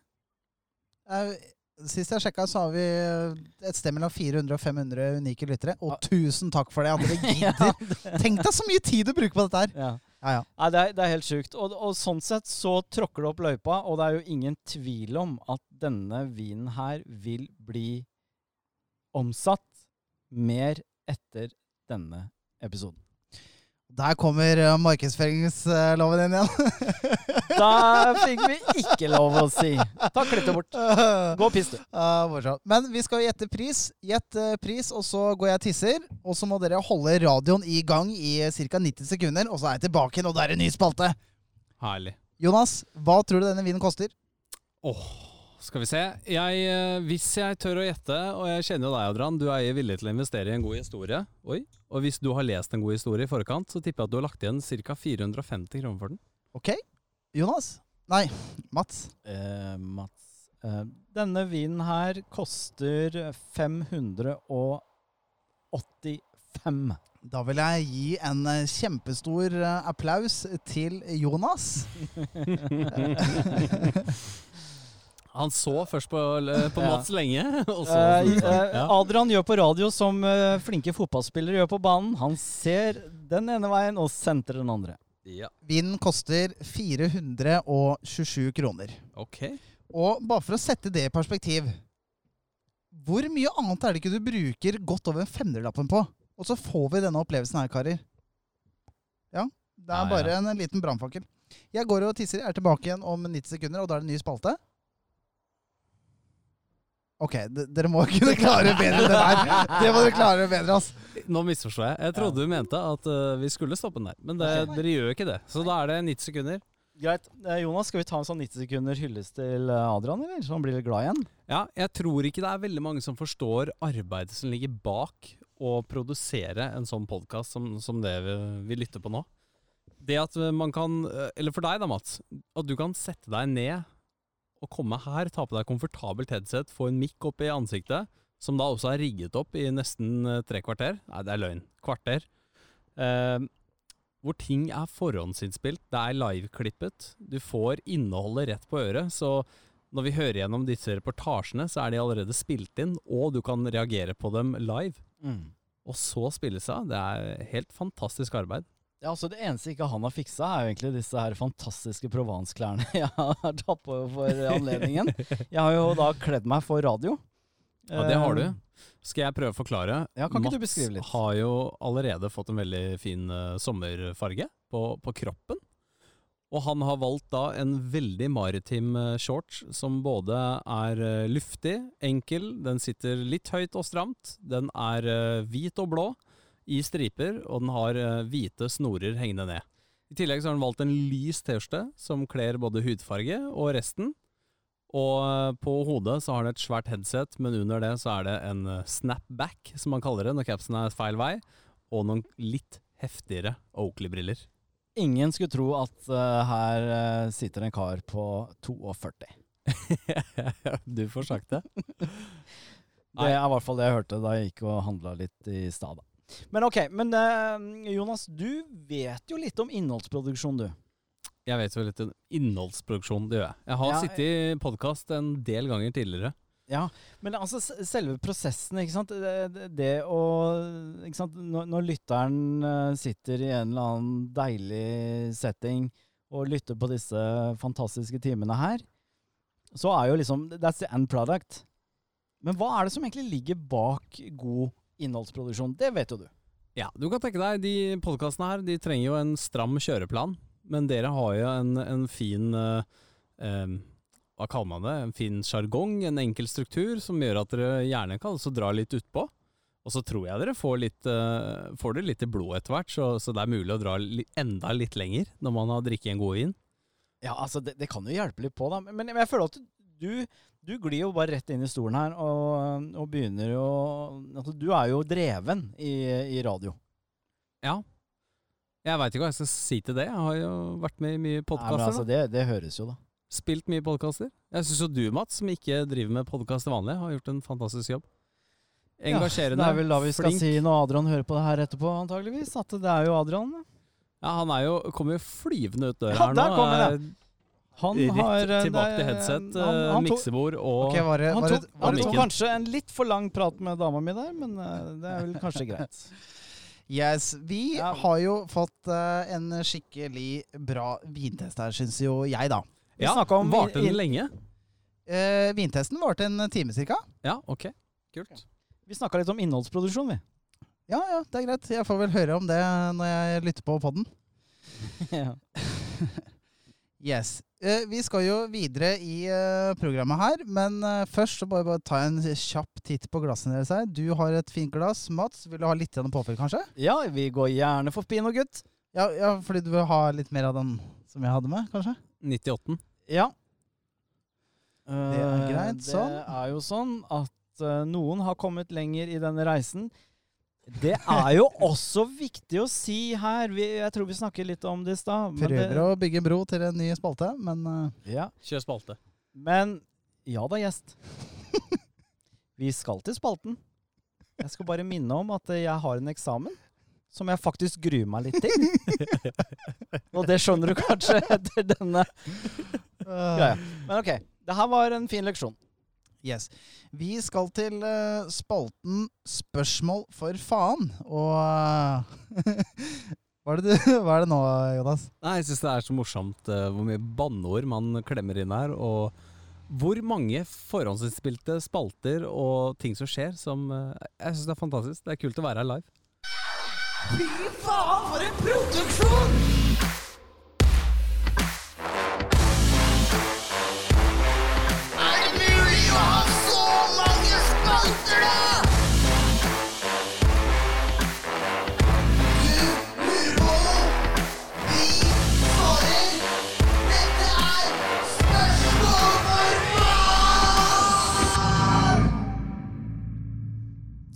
Ja da. Bare for å sette det litt i kontekst, Mats. La oss si at eh, du, mann, snart 43 år, hadde spilt inn det lydbildet der her ute på perrongen.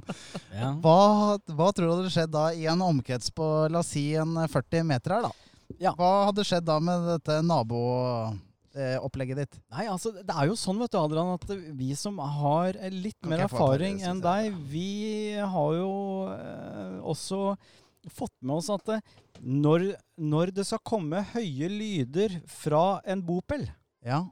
så legger vi ut en nabovarsel. Og hvis du ser i det huset her til høyre, her bor det gode eh, naboer. Det var de, faktisk de som ga meg en dash med eh, isbiter i stad. Oh, ja. Ja, ja. Så her, er- her er vi venner. Eh, så i lende, Gidder ikke si hvor jeg ser det nå, men iallfall så i lende. Aldri snakka med. Nei, ok, så det er ikke så farlig, med andre ord. Nei, det er ikke så farlig, men eh, vi bor i enebolig. Yes. Hva slags spørsmål har du fått, inn denne uka her? Vi har et uh, spørsmål. ja, for det var, Ble- da er det veldig bra radio, Ble du, ble du utålmodig gjest? Ja, lite grann. Ja, det er lov, det. Vi har jo et spørsmål fra din kjære eh, Jonas. Ja. Og ah, ja, kan derfor, vi ikke ja. bare liksom Jeg tror det er greit å bare sprekke den bobla her. Jeg spurte deg liksom Har dama di et spørsmål? Ha, og hun hadde et spørsmål, Ja. men hun har jo spilt inn et lydklipp. ja. Og det fikk jeg høre på øret. Var litt tungt. Ja, det var litt tungt. Det er jo Vi jobber jo til daglig med mennesker og få dem foran kamera, få dem foran mikken. Du og jeg, altså? Ja, du og jeg. Og Ikke jeg. Nei, og jeg veit jo at det er tungt for veldig mange, og både skulle på en måte klare å prøve å lage en naturlig setning eh, ut ifra et manus, og uten også.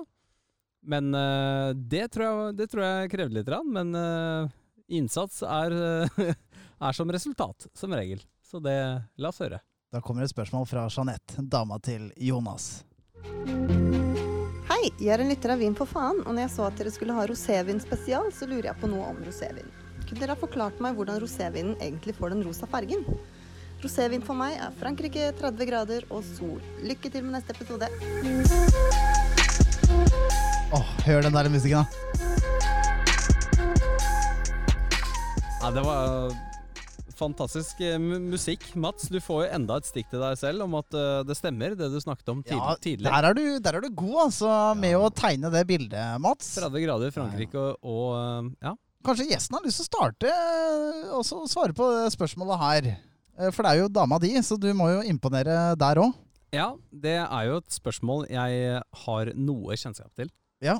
Og, Og- vi har jo vært inne på det et par ganger gjennom disse to timene foreløpig. Ja, vi har det. Den eh, første overraskelsen for eh, kanskje mange oladunker, det er jo at eh, rosévin får jo ikke fargen sin av en blanding av rød og hvitvin. Det gjør den ikke. Nei. Så da har vi fjernet den myten. Merkelig nok så skriver faktisk nesten alle sider som skal skrive noe om rosévin, det som en av de første setningene ut av de første 200 ordene. Ja, fordi det er liksom sånn greie, det. Ja, hva, er, hva er greia med det? Hva da? At ro rosévin er, en får fargen blanding sin, av- eller er en blanding av rødvin og At du kjører hvit og rødvin oppi et glass. Men jo, dog- jo, jo, men det Dog, er, det ja, er faktisk Det er ett unntak, Ja, ja, og det er champagne rosé. Champagne rosé er faktisk det. Og jeg veit at din var fra champagne. Ikke den, men antageligvis en annen. Så rosévin, den er jo, som vi har snakket om litt tidligere, oftest laget av en da mørk drue. Og det er en mørk drue som er eh, Kan se ganske rød ut, ganske lilla ut i, i drueskinnet. Det er faktisk pigmentene i da skinnet Jeg har hørt at dere sier skallet, jeg sier skinnet. som gir rosévinens sin farge. Så det er Ja. pigmentene i det, i det skallet som Ja. gjør det. Kan jeg komme med en liten kommentar? Ja. Jeg gleder meg. Og nå er jeg, nå er jeg så godt humør, Mats. Jeg sitter på plattingen din. Ja, du, Du, 43 år, capsen bak, eh, bak frem, ja, og med shadesa på. ja, Du ser jo ut som en 43-åring, men er 22 i huet.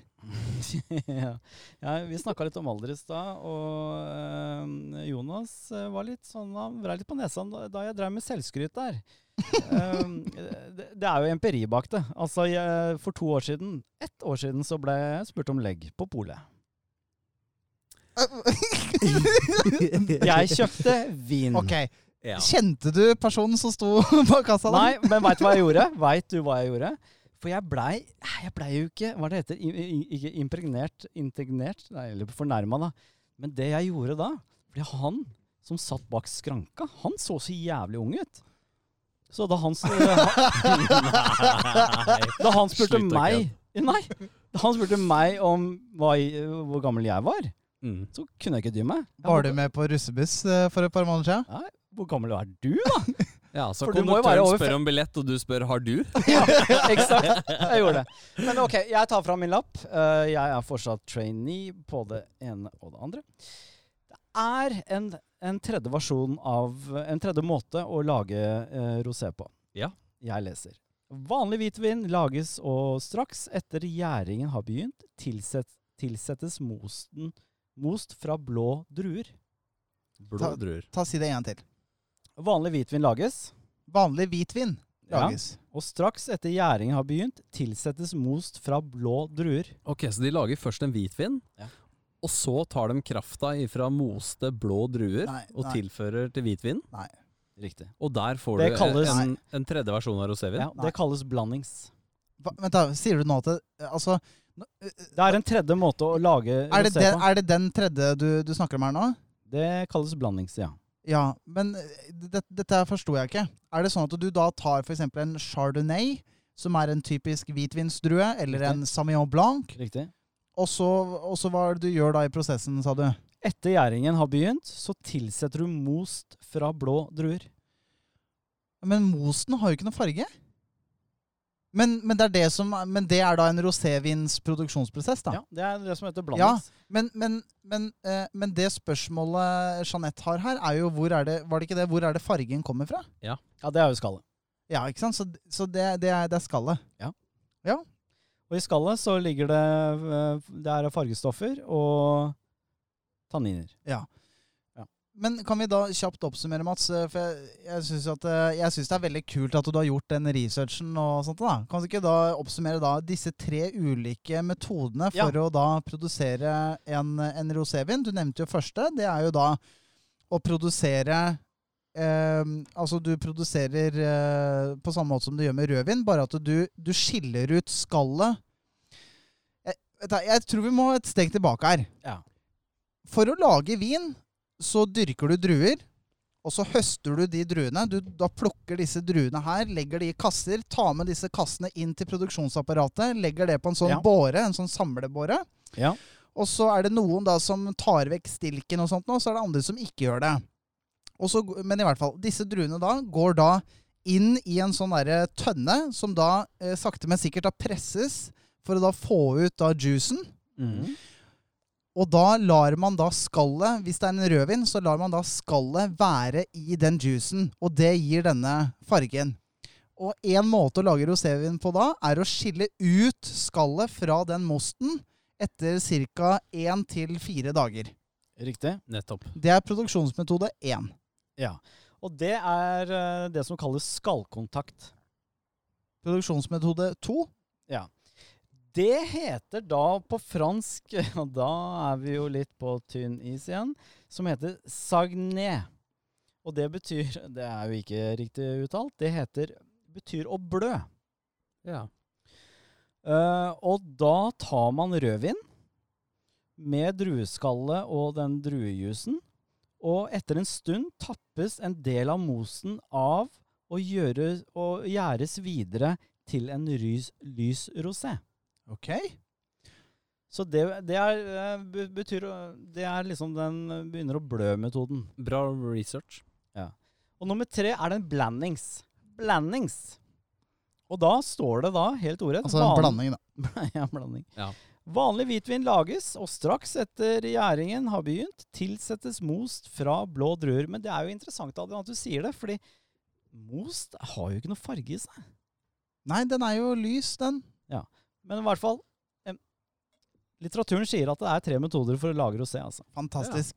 Tusen takk for eh, spørsmålet, Jeanette. Tusen takk. Vi har et eh, spørsmål til, og det er også familienært. ja. For den her kommer da fra Espino99. Hvor kommer, For det er broderen din, eh, Mats. Som da tydeligvis har blitt litt fan av dette innholdet her. ja, jeg vet ikke hvorfor Det er en av de to, da. Ja. Jeg vet ikke hvorfor han har 99 der. Er det da han ble Jeg kan tenke meg Han ble Er det russetida? Nei, han ble fan av noe. Enten så var det sykling, som han gjør ca. 22 timer i døgnet. Han er familiefar. Eller var det da han blei en skikkelig pinot noir-fan? I 99, ja. Okay. Jeg tipper Fifa 99, ja, for det var bra spill. Nei, altså Min bror han spilte fotball på Oppegård IL. Han var keeper. Veldig god. Men så var det andre Eneste ting spilleren du ikke kan styre i Fifa, så da, da var det nok ikke det, nei. Ok, Åh, ok, skal vi høre på spørsmålet da fra Ja, ja. Mats uh, Broders? Det gjør vi. Spørsmål til podden. Jeg har en følelse, kanskje feilaktig, av at mat og vin fra samme område gjerne går sammen. F.eks. østers og muscadet fra Frankrikes vestkyst. Eller en barbaresco med parmesan. Ok, vi definerer området litt vidt her. Så jeg lurer på om det finnes noen sammenhenger her, eller om mat og vinkomboer ikke har noen geografisk komponent. Bare for å utdype min svakt funderte hypotese. Man skulle jo tro at eh, vin- og mattradisjoner i et område utvikles i en slags symbiose over tid. Og at det lokale matrettet da gjerne passer godt til den lokale vinen.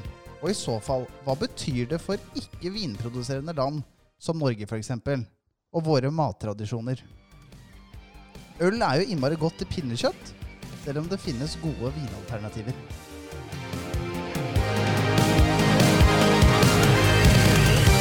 Yes! Det var, det var meg live, da. Ja, for det var noe jævlig kjent med den stemmen. ja. Men eh, liker dere liksom Back to 80s-sanger? jeg tenkte jeg skulle teste det på den her. jeg. Det er så kult at du tør å utforske. Ja. Ja, det var jo fint. Eh, Det første som slår meg, at uh, det er jo ikke alltid sånn at uh, når man har samme far, at man ender opp med samme uh, intelligens. Nei, så Altså, du det mener da spørsmålet der kunne jeg aldri ha stilt. Å ja, sånn, ja. Ja, ja nettopp. nettopp. Altså, det var jo en Var det for eh, enkelt eller for vanskelig? Ikke, ikke for å være nerdy, men uh, det er jo i, i vinverdenen, vet du, Jonas, så er det et uttrykk som heter 'the whole bunch'. Ja. Det er når du tar druene og klaser og stilk og kjerner og alt mulig, liksom, så pælmer du det inn i vinproduksjonen. Når du gir faen. Ja. Det her var det whole bunch av eh, uttrykk og faguttrykk eh, og det ene og det andre. Men uansett, da. Spørsmålet var ganske enkelt. Espino. Uh, Espen. Ja, Tusen kan- takk kan- for spørsmålet. Absolutt, bror. Tusen takk. Og spørsmålet var interessant. Ja, og det, og det Ja, så, så du fikk med hva han, hva han spurte om? ja, Ja. Spørsmålet her handler jo om Har det en synergi med vin og, og lokal eh, Altså, har det en synergi med vin fra et land, mat fra et land, vin fra et land, mat fra et land? I Norge har vi pinnekjøtt, vi drikker mye øl. Vi kan også matche god vin, men vi produserer ikke vin. yes. Hvordan er det med mat kontra vin? Jeg har jo litt av det der, da. Um, Ja, her tror jeg du bare må ta den. Ja, ja men jeg klarer ikke å ta den. jeg, fordi at jeg tror ikke det her er et sånn straight forward answer. Ehm, jeg tror det ligger Jeg tror det er oppe for diskusjon, da. Og det er det jeg ønsker å inspirere til nå. Fordi det er jo også egentlig det Espino gjør her, da. Altså Espen. Fordi han har jo på en måte kommet med en hypotese sjøl her. Så det jeg føler heller, er at han inspirerte en diskusjon for oss, da. Og spørsmålet til Espen her er jo rettet mot Er det noen sammenheng med eh, altså vintradisjoner i et land med mat, eller da motsatt retning? Er det noen tradisjoner for at man lager en eller annen viss type mat fordi at man har den og den type vinen. Og det jeg har eh, lest, er at eh, det er både ja og nei på det. Og da må vi tilbake til liksom eh, sengelektyra, som er New World og Old World. Mm. Og Old Ja. World er jo da disse vinlendene, Eh, land. Som er da eh, Tyskland, Frankrike, Italia, eh, Spania eh, Ja, det er vel primært de fire, og så er det kanskje ett til, da. Og så har du alle andre land, da. Hvor Australia og, og Ja, disse Ast kom på, ja. Australia ja, og Ja, New Zealand og USA. Og. Ja. Ja. Og det er klart at det, det er nok Jeg vil jo tro at eh, eh, altså de, de større vinområdene i senere tid De bryr seg vel mest sannsynligvis ikke like mye om lenger om mattradisjoner lokalt enn det man gjorde før. Nei. Fordi det man kanskje bryr seg om nå, det er jo det kommersielle aspektet ved å produsere vin. Fordi at man da eksporterer ut vinen til f.eks. av Norge. Mm. Så når, Ja. så når da Espino kommer med denne hypotesen her, at, eh, at eh, en barbaresco skal passe bra med liksom en eh, parmigiano-ost, da. Mm. Eller at eh, en muscadé skal passe bra med østers. Så er ikke det nødvendigvis noe som passer fantastisk i, liksom i New York. Altså at at det er sånn. Men at det er bare blitt sånn, da. Og så tror jeg i hvert fall i senere tid at det her handler veldig mye om science. Fordi at du har jo fått en voldsom, stor eh, gastronomisk kompetanse på vin og mat. Ja. Enn det man hadde for eh, liksom 50 år siden. da. En, en liten hypotese. Kvantitet overfor uh, kvalitet. Og da tenker jeg på uh, i, uh, i New World, da. Hvis du legger inn USA, for eksempel. Tenker du mat der, så er det ofte på en måte volumet som teller.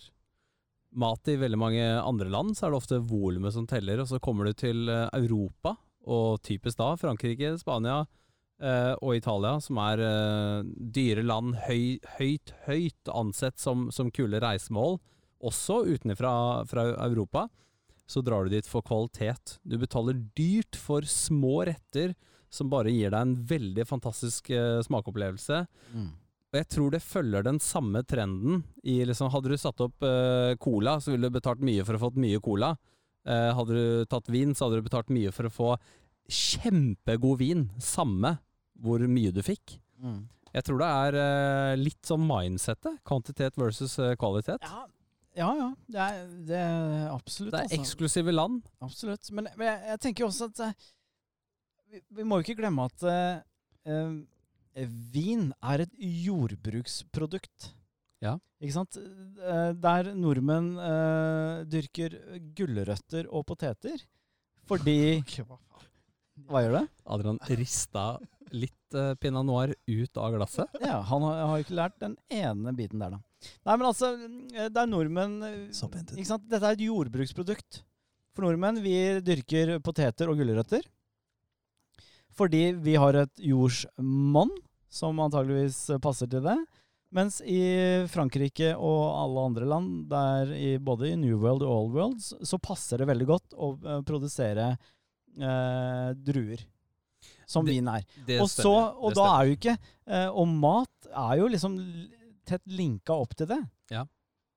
Så sånn sett så kan vi si at eh, i noen steder så er det jo Man produserer noen typer vin, Mm. og så har de noen mattradisjoner som, eh, som de også holder på med. Mm. Og at ikke, for å være helt konkret på det, at ikke vinmakeren skal snakke med han som produserer mat, det er liksom kanskje utenkelig, da. Kanskje de snakker sammen. Nå går jeg helt tilbake til uh, i tid, da. Det er ikke det, er ikke det jeg har lest, altså. Det er ikke Men, men, Nei, men, men, det, her, det her er jo ikke eh, fakta og empiri men- i det hele tatt. Dette men- er bare løse men tanker. jeg skjønner, jeg skjønner hvor du, jeg skjønner hvor du vil hen. Men det jeg, det jeg har en sånn uh, følelse av, da, og og det jeg har lest, er jo at eh, Altså uh, Hvis du går veldig langt tilbake i tid, så var jo vin faktisk en sånn derre commodity. I no, noen plasser så var det en commodity. Og også øl. Det var noe man ga som en sånn leskedrikk. Det var fordi, og, og grunnen til det var fordi at det var renere. Alkohol var renere enn vann. ja, men Skjønner du hvor jeg vil ja, ja, ja. Ja. Så, så, men De var, går vi de var glad på den tida der, da, si Men sånn. da går vi veldig mange år tilbake i tid, da. Og så er det jo klart at eh, det jeg tror, da, hvis vi går tilbake i tid, når vi ikke hadde da denne eh, liksom scientific eh, eh, tilnærmingen til mat og vin, så var det vel mer det at eh, i den regionen hvor det var mye pasta, og sånt, f.eks. i Italia, da. Ok, så passa plutselig en barbaresco. Det, Det passa plutselig med en. Barolo. helt enig. Fordi at du får ikke gjort så veldig mye med druen. Og det samme med at risen kunne gjøres om til en sake og passet kjempebra til japansk mat. Samme gjelder eh, Ja. whiskyen i det landet. Det samme eh, gjelder Weissbieren i Østerrike og Åh, Ungarn. Bra uttalt. Ikke sant? Og det samme gjelder da vodkaen i de landene som, som foretrekker det. Land. Ja. Jeg, Ok, jeg men ta- ta- ta- vilje. Men jeg tror, jeg tror rett og slett at um, eksklusiviteten i de europeiske landene Lennene Len, land. Hvordan vil du at man Land. skal si land? Ja. I de europeiske land Har du spilt Risk? Det høres Land. helt feil ut. I hvert fall, jeg tror at uh, det at de har blitt ansett som eksklusive, har gitt synergier til at maten har blitt eksklusiv, vinen har blitt eksklusiv, mange har sett opp til måten de har spist og drukket på, og vinen er tilpasset deres mat, det er sånn de liker å gjøre det. Det kunne vært, og det kan være, at om eh, 100 år så er det heller sånn at vi ser mot Japan og alt som skjer i Asia, og at kanskje om eh, så og så mange år så ser alle mot vodkaen eller skotske whiskyen. Ikke sant? Det kan Og være. så må vi Ja, ikke ja, absolutt. Men, Men, eh, men Mats, ja. vi, vi må jo heller ikke glemme det at eh, Dette her pratet vi om i forrige episode. Druen slår vinmakeren. Så inni helvete. Og derfor så tror ikke jeg da at det er en Altså, hvis du skal ha en, en fantastisk kulinarisk opplevelse, så tror ikke jeg at vin og lokale mattradisjoner har en sånn umiddelbar connection. Fordi at det var bare sånn Ok, den druen her, det sørger for at vi får laget bra vin Mm. på dette jordsmonnet her, med dette klimaet her.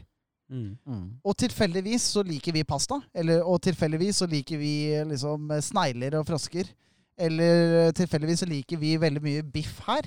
Mm. Men Nei, men- skjønner du hvor jeg vil? og, hen? Og, og, de, og de har klart å tilpasset maten med drikken fantastisk. Ja, ja. For det er jo ingenting galt med den greske vinen sammen med den greske maten. Men vi har en mye sterkere følelse rundt olivenoljen Jo, men der, i Hellas. men der sier du noe. har, Men? Der Altså, sier du noe, for at i, ja, men I Grekland så har du jo også veldig mye liksom karbohydrater med liksom pasta, mye Ja. ost og sånt noe. ja. Men de produserer det, det, det, er, det er jo ingen tvil om at vi, vi har jo utvikla oss, da. Så har okay, man på en får måte litt mer av den funnet der, som eh, eh, den eh, dina, Jonas. Uh, Miraval var det Adrian hadde lyst på. Ja. Blei jeg litt avbrutt der igjen, ja? 79. Rett i glasset. Takk, takk, takk. takk. Sånn, ja. Der får Adrian da. Ja. Det er, det, er jo, det er jo ingen tvil om at vi, eh, ikke sant? Verden har utvikla seg og funnet uh, viner som passer til det ene og det andre. Men la oss ta et annet eksempel, da. For eksempel uh, julematen i Norge. Mm. Uh, og jeg, må jeg si, altså vi, vi, jeg har jo ikke noe Det er ikke noe at jeg har i, Det er jo ikke en hypotese jeg på en måte framlegger her. Jeg bare har egentlig jeg, Egentlig så bare prøve å lage radio og komme med en annen inngangsvinkel. Ribbe og pinnekjøtt, ganske sånn feit, feit mat, Mm. right? Um, og så sitter vi med akevitten. Mm. Norskprodusert ribbe, norskprodusert uh, pinnekjøtt med norskprodusert akevitt fra Løten eller et eller annet annet sted. Gjerne ja, sikkert borte der. Ja. Så er jo spørsmålet, da. Er det noen sammenheng der? ja, kombinasjonen er riktig. Kombinasjonen er riktig, men er det noen så- sammenheng i utviklingen av de to råvarene? Det er jo egentlig det som er spørsmålet. Å, det er så stort spørsmål. Det er vanskelig å svare på. Det, Vet ikke. Kombinasjonen føles riktig. Pasta med vin føles riktig. Ris og sake og, og, og sushi og Ja, råfisk men det lå kanskje riktig. ikke noen tanke bak det. Og øl og pølse føles riktig. Og det er Ja, rett og slett sånn det har Jeg tror ikke vi kommer til noe, til noe Det var, godt det var et eh, interessant spørsmål. Ja, det er et veldig interessant spørsmål. Men jeg tror det er et spørsmål som, eh, som igjen da gir mer rom for diskusjon og hypoteser og sånn semikrangling enn et godt svar. Fordi i moderne tid så er det sånn at vinprodusentene skal tjene penger. De, og, og markedet er mye større. Ja. Markedet er globalt. Ja. Mens for 100 år siden så var det ikke det. Og da var det veldig mye færre vinprodusenter også. Mm. Absolutt. Så, Men det, det, det, er jo, det, er jo, det er jo hele tiden motside mot motside. ikke sant? Du hadde jo ikke plassert Weissbier sammen med pasta, fordi du gidder jo ikke dobbel hvete. Vi spiser fettete kjøtt, og vi slår det ned med, med en akevitt. I Polen spiser de fettete pølser og slår det ned med, med vodka. Mm. I, eh, i eh, Ja, tilbake til Italia, Frankrike og Spania. De spiser tomatpasta og drikker det rolig med en vin. Ikke sant? Ja. Det er eh, Det er kultur. Jo, men det, er- det, er nok, det, er nok, det er nok bare helt, helt riktig sammensetning, tipper Ja, jeg. men eh, spørsmålet er interessant, fordi er det tilfeldig, eller har det faktisk vært en mening bak det? da? Jo, altså Igjen, da, av det jeg har lest, så er det det at det, ehm, Og det, det her er det poenget som jeg prøver å få frem, da, som kanskje ikke kommer godt nok frem. At det, det, det bare blei sånn at eh, OK, i det området her så drikker vi den vinen til denne type mat. Uten at det nødvendigvis er altså tre stjerner Michelin vinkart, da. Skjønner du Ja, hva jeg mener? Ja, jeg Det er bare at det, det er Det blei bare Ok, det var en rødvin til dette måltidet. Det var en hvitvin til dette måltidet. Men så har du 100 ulike druer, ikke sant? Og Ja. man finner kombinasjonen av det man klarer å ta lokalt. Som eksempel når vi produserer da ikke vafler og pannekaker, men de, disse her eh, lompe... Hva, hva heter det? Sveler. Svele, for eksempel. Svel. Så bruker vi blåbæren vi har plukket i skogen, i norsk skog og i mosen. Mm. Ikke sant? Her har vi funnet en sammensetning av to lokale ting som funker sammen. Mm. Ikke sant? Og det, det er jo det samme. Ja. Så vi har liksom poteten. Vi får ikke lagd så mye digg å drikke ut av det. Greit nok. I Italia har de druen. De kan lage noe digg å drikke ut av det. Få litt sprit av poteta. Ja. Men, eh, okay. men, eh, men det var et eh, kult spørsmål. Men, Det var et veldig kult, spørsmål. Min kjære bror, tusen takk for at du gadd å bruke den hjernen du fikk utdelt av fattern. Tusen hjertelig takk, eh, Espino99. Veldig spent på hva 99 betyr, og kanskje du har lyst til å stille et eh, spørsmål en annen gang. Og til deg, kjære lytter, hvis du har lyst til å eh, komme på lufta her med lydklippet ditt, så går du inn da på anchor.fm slash vin for faen, og så trykker du da på send a message, og da kan du da spille inn et lydklipp. Hvis du ikke har lyst til å spille inn et lydklipp, men har lyst til å stille et spørsmål som vi skal ta opp i podden her, så sender du meg bare en melding da på Instagram, kommenterer et bilde, eller send meg en melding i chatten. Det er en av oppgavene dine. Det kan du begynne å trene på nå, Mats. At du skal si akkurat det jeg sa der. Å ja, jeg skal ta den? Ja. Ja, nå har du kjørt den seks ganger. Å, det gleder jeg meg til. Vi skal Jeg til gleder en meg egentlig til å ta Vi litt, litt skal mer til kontroll en- over denne. Vi skal til en ny og siste spalte i Vin for faen. Radiooverførsel. Fordi der, altså. vi har kuttet ut en spalte. Ja. Det er da Insta-spalten. Jeg føler ikke at den ga så mye, og det har litt med at jeg overser den Instagram-kontoen eh, altså 100% Altså Du er jo ikke en del av den kontoen, Mats. Du kommenterte som faen eh, her, hvor eh, jeg skjøt noen stikk mot eh, Stine, og det er, eh, det er greit. Ja, vi snakka om disse alliansene, og vi er flere personer der nå. Jeg har en ny spalte, og den heter Quiz for faen. Og jeg skal forklare litt mer om det etter eh, vignetten, som det også heter, eller jingeren. Er du klar for den, eh, Mats? Og, og merk det at det, det er du som har bestilt disse jinglene her. Det er du som Og jeg bare gjør. Jeg eksekverer. Det var åpenbart noe i det, så kjør jingle. Ja, jeg vil gjerne ha med Jonas på øret før jeg setter i gang jingeren. Nå ser jeg at Jonas har tatt på seg headset igjen. Er du klar? Ja, Jeg er klar. Jeg gleder meg. Naboklage nummer fire. Nei, jeg kan ikke nå. Nei, ikke nå. Jeg, jeg skal ut. Jeg skal ut på scenen. Stine, du veit at jeg skal ut på scenen. Jeg må legge på. Ja, ja, ja. Søt Riesling er kjempefin. Ha det. Snakkes hjemme. Ha det. Ja, hjertelig velkommen alle sammen til en fantastisk quizkveld. Mitt navn er Adrian Søbeskogen og vil være din quizmaster gjennom disse nervepirrende spørsmålene. Er dere klare? Da setter vi i gang quiz for faen! Yes, det er quiz for faen. Oi da, oi En ny oi spalte da. i Vin for faen. Adrian, vi kan tjene penger på det du driver med her. Altså, Så kult er det å høre på. Du er så rå på å legge lyd og musikk sammen med Jeg stemme. syns det. Da ble jeg skikkelig glad. Da ble jeg varm inni, altså. så- Tenk hvor mange podder vi har spilt inn totalt. Jeg, jeg tror jeg har sittet og spilt inn 300 podder i løpet av de tre Ja. åra. Og da har han ikke giddet å gjort noe sånt? Og det her er jo bare innovasjon. Ja, men det er fordi at det, eh, altså, du vet, I den der daglige jobben vi har, Jonas Ja. eh, Det må sies. Du eier selskapet, jeg eier selskapet. Vi er partnere. Vi var med å grunne selskapet. Ja. Der har vi Der har jeg ikke hatt den friheten til å gjøre det her. Nei, du kunne ikke kalt det for faen. i hvert fall. Nei, Nei det, det er sant. Uh, men i hvert fall her så får jeg hvert fall muligheten til å leke meg, og jeg må si at uh, fredag kveld, lørdag kveld, søndag morgen og søndag kveld, uh, så koser jeg meg sjukt hver eneste uke, for da gjør jeg alle disse tingene her. Mm. Vi har kommet frem til en ny spalte i Vin for faen, og det er da quiz.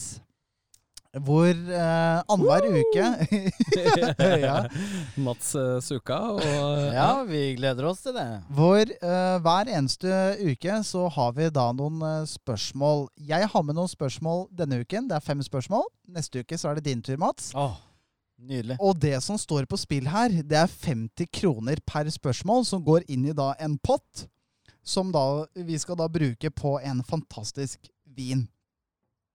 Etter, etter fire uker så summerer vi opp eh, potten, og så eh, spleiser vi da på, eller spleiser, det kommer an på hvem som eh, vinner da, inn i da en flott vinflaske, som da går inn i da uke fem. Ja. Er du med meg på den, Mats? Ja. Yes. Så jeg har nå da fem spørsmål som jeg kommer til å stille. Hvert spørsmål er da verdt 50 kroner. Og fordi at jeg er quizmaster i dag, så betyr det da at hvis du gjetter riktig, eller svarer riktig, så er det jeg som må legge inn 50 kroner. Hvis du svarer feil, så er det du som må legge inn 50 kroner. Et steg nærmere pinot noir der, altså. Jeg starter med spørsmål én. Eh, og jeg så bare lurer på eh, Kanskje jeg skal holde deg utenfor den her, eh, Jonas? Gjerne gjør det. Okay. Jeg har jo fra sidelinja sett at uh, du har brukt ekstremt mye tid Adrian, på å lære deg ting om vin. Jeg tror Mats er bitte litt grann bak. Ikke mye, men uh, litt. Uh, og derfor så tror jeg at jeg er på lag med Mats i denne her, og det bør du nesten bare takle. Ok, det, det, jeg er, kan jo ikke en dritt, så det har ikke noe å si. det er helt i orden. Eh, og la meg også bare si at disse spørsmålene her skal også være relativt snille, da. Det skal være ting som vi burde kunne eh, etter eh, seks episoder. Ja, jeg håper jo at du stiller spørsmål på måte på vegne av publikum, da. Spørsmål én. Uh-oh. Forklar prosessen med å lage vin. Ja. På en enkel måte. Det Da Og da er det da gjerne vi, vi, fem ting som jeg vil at du skal nevne. Ok, vi høster, okay. Vi høster druene. Eh, druene blir eh, hva, hva er det verbet der? Altså, Nei, men man pl plukket, da. Eller altså Ja, vi høster. mm. Ja, eller plukker. Renset. Ja. Renset. Nei, man, man, man, eh, plukker og høster druer. Så legger man det ned i en eh, Eller så moser man de. Det som skjer da, er at uh, sukkeret som ligger i druen, uh, vil eh, Vil da være Det er med den gjæringa. Det vil føre til gjær. Det er sukkeret som gjør at uh, vinen gjæres. Og der stoppa det. Nei, men er, er, jeg ser på deg, da. Ja, men jeg skal ikke gi deg noe hint. Nei, OK. Du har uh, 20 sekunder til. Ja, eh, så gjæres, eh, gjæres vinen. ehm, og eh, Ja, det er det som er fermenteringen.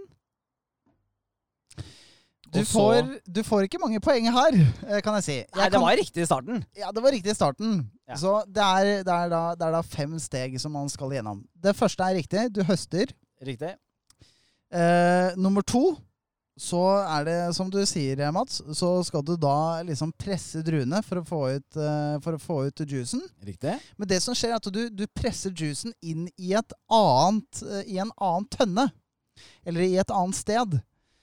Og i det stedet der så skjer da fermenteringen. Riktig, som jeg sa. Som du sa. Men det du glemte, det er da to ting. Ja, med det skallet? Nei, Tapper. fordi det har, det har noe med fermenteringen å gjøre. Ja. For du fermenterer da med skallet. Ja. Men så er det som da Jonas sier, så skal du da tappe vinen, men ikke på flaske helt ennå. Du skal Nei, men jeg, først jeg kommer jo aldri så langt, da. Nei, men du Tappe til lagring. Hør da, vær så snill! selvfølgelig, Jeg Vær vet så, at vin vær skal så- lagres. Først så skal du Nå, ko- nå går det folk forbi her og ser stygt på meg. Er det naboene dine, Mats? Eh, jeg hadde s- eh, jeg, har- jeg vil si jeg hadde rett så langt, og du kunne vært mer behjelpelig der Og og fått meg over til lagringen. og så skal du da rense mosten. Du skal, Ok, det hadde jeg filtre- du skal filtrere mosten. Ja, Og når mosten da er filtrert, så skal den da tappes på flaske. Riktig. Og når den da tappes på flaske, så er siste del av prosessen det er da lagring. Riktig. Ja. Så Yes. jeg Eh, noterer her. Her kunne du vært litt mer behjelpelig. Jeg hadde en veldig bra inngang, egentlig. Det viktigste er Ola Dunk fikk en oppdatering på det her. Ja. Og det var bra forklart. Ja, så det jeg noterer her nå da, Mats, er at på første spørsmål så er det da 50 kroner på deg. Nei, det vil jeg ikke si. What?! Det vil jeg ikke si. Du nevnte tre steg, det er fem steg! Jo, men eh, du, du sitter Jonas. der. Du sitter utålmodig. Jonas. 50 kroner, Mats. Du har råd. Ja, okay. ja. Du tjener mer enn alle. Ja, det Ok. sant. Eh, ste steg nummer eh, Nei, ikke steg. Eh, Spørsmål nummer to. Ja. Nevn tre vanlige druetyper i rosévin. Eh, Grenache. Morder. Mordere. Uh, De- Den er, det, det er ikke noe som heter morderer. Ja, det er en eller annen innafor der, i hvert fall. Uh, Sin solgt. Uh, og, og en til, da. Eh, nei, sy, eh, eh, Syra. Det er Bra. greit. bra. Veldig bra. Veldig bra. Poeng til Mats Men, men er, er Nebbiolo og Pinot Noir eh, vanlige? Eh, jeg veit ikke om Nebbiolo er vanlig, men nei. Pinot Noir er vanlig. Jo, det er vanlig i okay. Italia. Okay. Hvis Du hadde er, ikke fått eh, poeng for den. jo, det er, Du hadde ikke fått poeng for den. Uh, det er vanlig med Nebbiolo i Italia. Du hadde ikke fått poeng for den, men Fordi- nå fikk du poeng for de tre du nevnte. Fordi Fordi det er ikke de, det er ikke de vanligste druetypene. Oh, okay, det er en, å ja, du spurte om de vanligste. ja, det var Ja. det jeg sa. Det blir det samme som jeg sier at okay, Ja, hvor mange druetyper er, finnes det? Jo, det er 10 000, men det er kun eh, Greit. 100 som er de mest vanligste. Innenfor det du kan, altså. Spørsmål nummer tre. Hvorfor heller man vin over i en karaffel? Altså dekantering. Hva er dens formål? Feil svar. Penere å servere fra. Riktig svar. Er eh, at vi ønsker å frigjøre Det er to eh, ting. Ja. Eh, C, vi f- ønsker å frigjøre Nei, CO2. det har, nei, nei, jeg kan ikke få hjertet med nå. Vi, altså, Altså, the endgame handler om frigjøre CO2, det Nei, er ikke det vi Nei, ønsker. vi ønsker Ok, jeg får han deg mens han tenker i litt. Aroman, Oksygen. i aro, eh, Vi ønsker å f eh, få fram aromaen. Og for å få til det, så ønsker vi å frigjøre oksygen, men CO2 blokkerer oksygen. Yes. Svar avgitt. Er det det eneste svaret du har? Jeg syns det var helt greit svar. Ja, men det, er ikke, men det er ikke hele historien, Mats. OK. Men du har litt riktig. Ja. Fordi det Ja. er riktig at vi skal frigjøre aromaer gjennom å tilføre oksygen til vinen, og derfor så dekanterer man for å gjøre den prosessen. Få at det gir den luft. Riktig.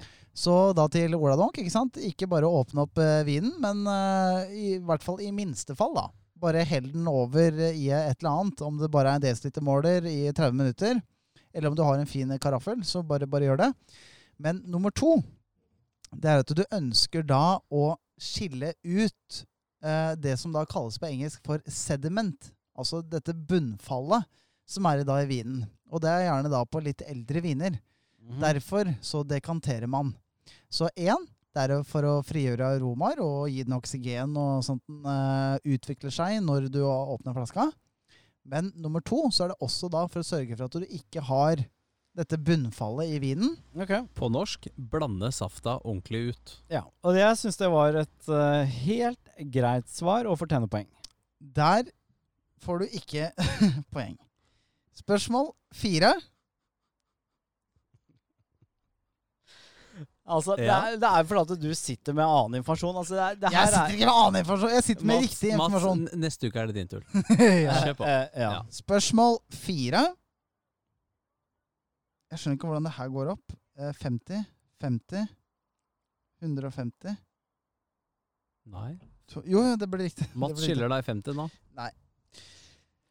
Spørsmål fire. Ja, kjør på.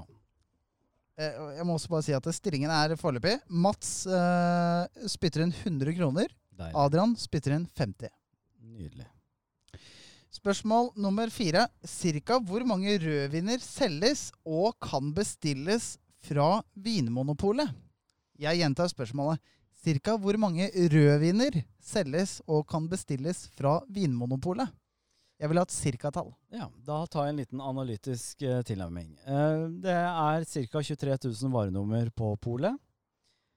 Eh, denne litt eh, undervurderte uh, vinen rosé er rundt 2000. Uh, mjau, mjau, mjau. Vi tar inn en katt der på radio. eh, 15 000. Nei, 17 000. Å, det er mye lavere. Da kan jeg si at eh, Mats, du stryker der. Fordi at uh, det riktige svaret ville vært ca. 10 000-11 000. Ja, det er ikke verst tippa, det. Altså. Mm. Uh, Det er ganske det er verst, uh, verst tippa. Siste spørsmål. Ja, jeg gleder meg. Forklar hva appellasjon er i vinproduksjon.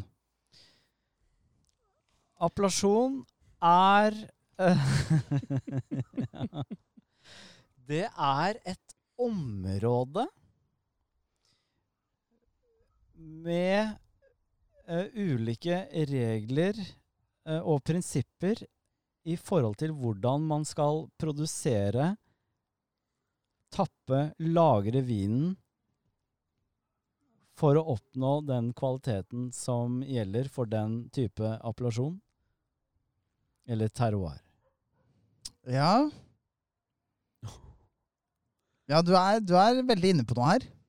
Jeg, jeg har det ikke ordrett fra det du har skrevet på den Nei, der litt er- dyre paden din. Nei, men det er en, en eh, Det er en sånn distinksjon til.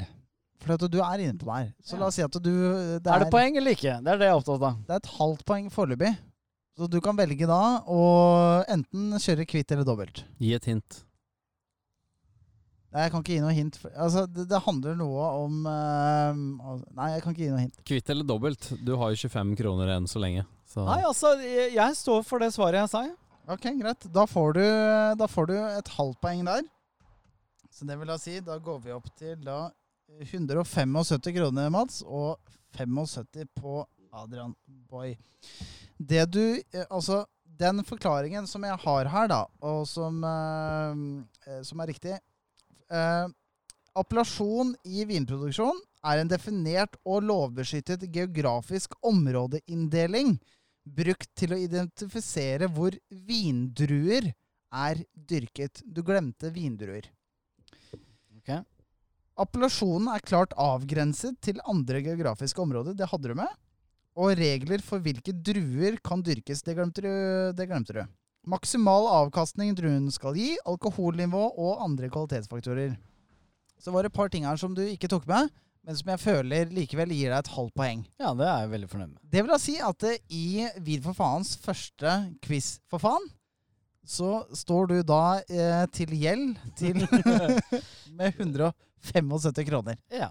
Og undertegnede står til gjeld med 75 kroner. Deilig. Da kan du bare glede deg til neste. ja, ja, ikke sant. Fordi nå har du igjen satt standarden. Jeg vet jo ikke. Du har jo full regi, full kontroll. Det gir deg sikkert ganske mange deilige følelser av uh, Jeg skal ikke nevne det. Nevn Lykke til neste gang. Jeg kjører, en liten, jeg kjører en liten bro jeg, før vi kjører avslutningen. Gjør det.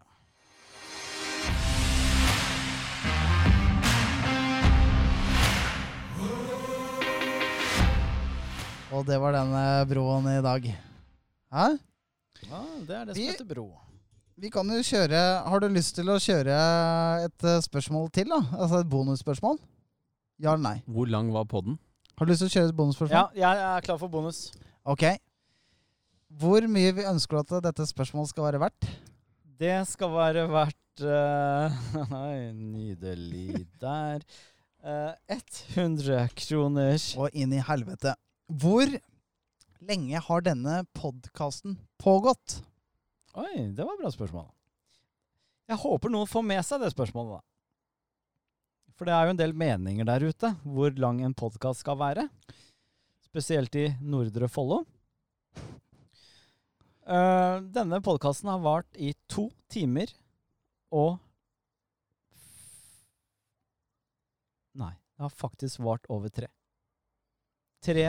3.04. To timer og 54 minutter, og det betyr at Mats, du er på 275 kroner i gjeld. Ja. Ja, Ett steg nærmere enda en fin og gutt. ja. Men du, apropos det, for, eh, apropos det, Mats. Ja. For å ta brodden av det. Og det tenker jeg kanskje kan være en eh, sånn fin avsluttende snakk her nå. ja. Det er en elefant i rommet. Og elefanten i rommet heter, Heter ikke Jonas. Nei, Nei. det heter lengde på pod. Ja. For da har vi sittet her nå i snart eh, tre timer. Ja. Og så er det folk fra høyre og fra venstre som mener at podden burde vært 40 minutter lang. Og det var en, eh, en kar eller en dudinne på eh, Apple Podcast som, eh, som mente det. Ja. Og han fikk et rifleskudd eh, tilbake igjen. Ja, det måtte han jo få. Ja. Siden det var du som svarte. Hadde jeg svart, så hadde han fått et helt annet svar. Men hva, hva tenker du om tretimerspodder, da, Mats? Nei, hva skal man si om eh, tre eh, timers podkast? vi tenker ut ifra det vi har opplevd til dette sekundet vi lever nå. Og nå. Og nå. For tiden går. Og det vi har opplevd, uh, og kanskje av bra ting, har en eh, tendens til å feste seg. Så hvis du har hørt en podkast, f.eks. fotball med Bernt Hulsker, eller ja, Det er den eneste podkasten jeg kan, for det er den eneste jeg hører på. Uh, så, ha, så er liksom det referansebildet, da. Og så plutselig så kommer det fra venstre her en eller annen ganske sær podkast, egentlig, om vin, som dundrer på i tre timer. Det bryter jo. Og da tror jeg det er en Det tar litt tid fra man tenker Fra denne følelsen av hvordan man har vært, ref 40 minutter, en time med fotball, Bernt Hulsker, til våre tre timer. Så jeg tror det handler om tid, og jeg tror egentlig mye innovasjon har gått gjennom den samme reisen av eh, ikke, ikke smerte, da, men, men det, er, det er et eller annet som skurrer. Det er, Ja. det, det er det jeg tenker. Så jeg, eh, helt ærlig, jeg tror ikke folk er klar for det. Og når jeg sier folk, så snakker jeg om gjennomsnittet. Men jeg tenker at folk blir klar for det. Men jeg har jo delt med deg eh, statistikk, Mats. Og det er at folk sitter her Altså hvis vi holder på et minutt til, da. Jeg ville, eh, med, jeg ville ikke nevne statistikken. Nei, ok, greit. Men jeg kan godt nevne statistikken. da Og det er at du, kjære lytter, du gidder faktisk å høre på det jeg sier nå. Det betyr jo at da har du giddet å lytte da i tre fuckings timer. Ja. Jonas, hva, hva er liksom ditt resonnement om uh, tretimerspoddere? Nei, er, det er todelt. De du har tall fra, det var de som gadd å trykke den gang, og ikke så på tallet tre timer og tenkte uff. Og så har du de som er inni den tretimerspoolen. De eh, har gitt dere en bekreftelse på at innholdet deres er godt nok til at jeg gidder å, å bli med dere. Enten om de stykker det opp i løpet av en uke, Men i hvert fall, de er villige til å sette av tid fordi de syns innholdet er godt nok. Jeg tror eh, eneste måten dere klarer å holde oppmerksomheten på, det er eh, å bytte temaer. Ha spalter, ha innhold som kommer inn som er spritende og morsomt. Og så er dere jo fantastiske i, i podkaststudio sammen. Dere har en skikkelig kul kjemi, så jeg, jeg tror eh, det ikke er noe galt med å skulle tørre å gå for lengre podder. Plattformene de anbefaler det jo. Facebook favoriserer helst Nei, jeg mener Spotify favoriserer jo helst eh, lengre podkaster. Ser flere returning Å ja, det er eh, det. viewers. Ja. Så det, er- det er ikke noe galt med det. Men det er de som, eh, de som ikke trykker den første gang fordi de så at det var kjempelangt, som kanskje dere mister. Men igjen, dere skal ikke være noe for alle. Det skal være alt for noen. Oi, oi, Oi, den var jo særdeles ikke innøvd der, da. Men jeg, jeg er jo enig i det. Men, men så kan man jo også si at vi ville hatt mange flere lyttere hvis vi hadde delt opp innholdet i en 45 minutter. Hva veit du om det, Ja, Mats? hva veit du om ikke det, da? Fordi jeg har produsert innholdet i tre år. Ok, Så det er det argumentet du har? At du har gjort det før? Ja. ja. Ok, ok. ja, null- hva har du gjort, da? Nei, altså null empiri igjen der, da. Ja, men hva har du gjort, da? Nei, men det, det var ikke det som var penger. Nå, nå ble du personlig. Ja, jeg ble det. Ja, men da ble Ok. Ja, men hva, hvem er du til å si at vi, vi skulle hatt mange flere lyttere? Altså, vi har Det er et sted mellom 400 og 500 lyttere på en podkast som Men- har vært ute i fem uker! Men la, la, la, la oss snu Spørsmålet var, da. Adrian Ikke sant? Brannfakkelen. Da må du også tåle forskjellige point of views. Men Og det kan hende, hvis vi hadde delt opp innholdet, 45 for Ola Dunk, at det hadde gitt 2900 lyttere. Det kan hende at dere hadde fått Nei. 5000 lyttere Riktig. på Vin på ti minutter. Men det har dere ikke lyst til å spille inn. Ferdig med det, det. det er sant. Det, Det det her- det vi om. her er vin for faen. Jeg skjønner Eh, ikke. Mats, hvorfor kan du ikke bare si det? Liksom, eh, liksom eh, Fuck off dere det som eh, ikke hører på liksom tre timer. Det er ingen Nei, som altså- hører Nei, på det er allikevel. altså. Nei, men altså, jeg, jeg tok jo den mer sånn Ja, men hvorfor må du det, da? Nei, jeg trenger jo ikke gjøre det, men nå valgte jeg å gjøre det. Og det må vi tåle. Dette er en fantastisk vin. Ja. Podkast. Men eh, Jo- Jonas, Orddeling feil? Jonas, du har, jo, du har jo rett. Ok, de som velger å følge oss til nå, det er de vi er for. Det er nettopp det. Er man opptatt av crazy lyttertall? Mulig at vi skulle tatt og redigert og produsert det ned i 45 minutter for at han ene nissen oppå Oppsal der skulle fått lov til å gå tur med bikkja si og hørt på denne podden. Ja, det er mulig, det. Skal ikke nevne navn. Men sorry, ass. Vi er ikke for deg. Dere hadde klemt inn en full vinpodkast på totalt det dere har spilt inn nå, og, og lært et helt pensum. Hvis ikke podkasten også handlet om underholdning. Så igjen, fortsett som dere Ja. gjør. Men uh, igjen, vi er jo ydmyke i forhold til hva som er riktig å gjøre. ass. Det er helt sant. Men skal vi ikke bare takke for en eh, fin sending, da? Takk for Takk for at jeg fikk være med. Det Ja, var, ja, Jonas, det, det kan var noe tørt i en, av, eh, i en av vinnene her som gjør, at jeg mumler litt. Jo, Men, kan eh, ikke du bare, bare ta en liten to minutter sa- Altså har du vært med i tre timer og 49 år, så klarer man Jonas sin To minutters minutter. lille ting om hvordan var det å sitte her i egentlig the crossfire between one guy and another. Ja, Så øh, du forventer sikkert at jeg skal skryte av deg. Jeg, det orker jeg ikke. Nei. Det jeg har Nei, lyst til å si til lytterne som faktisk er her enda, det er uh, Vi har snakket litt om uh, ulike typer viner. Vi har snakket mye om rosé. Vi har snakket om viner som vi har testet. Vi har snakket om litt quiz. Vi har hatt litt morsomme ting. En ting vi diskuterte litt som uh, kanskje sitter igjen i minnet til mange, det var liksom det der med, med pris og kvalitet og det å kjøpe seg en opplevelse.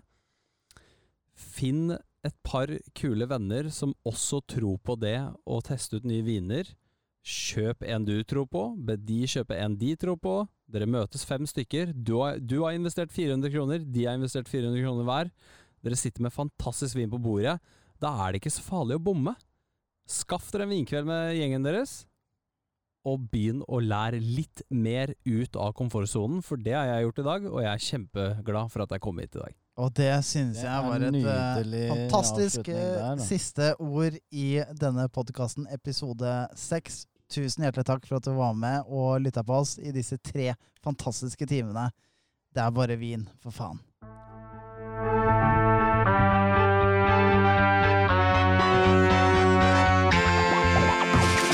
Freedom! So fresh, so new. Freedom! It's all for you. All for you. Freedom! Keep your ear to the ground. Talking about the freedom. It's the best show in town. Best show in town. Freedom! Well, well,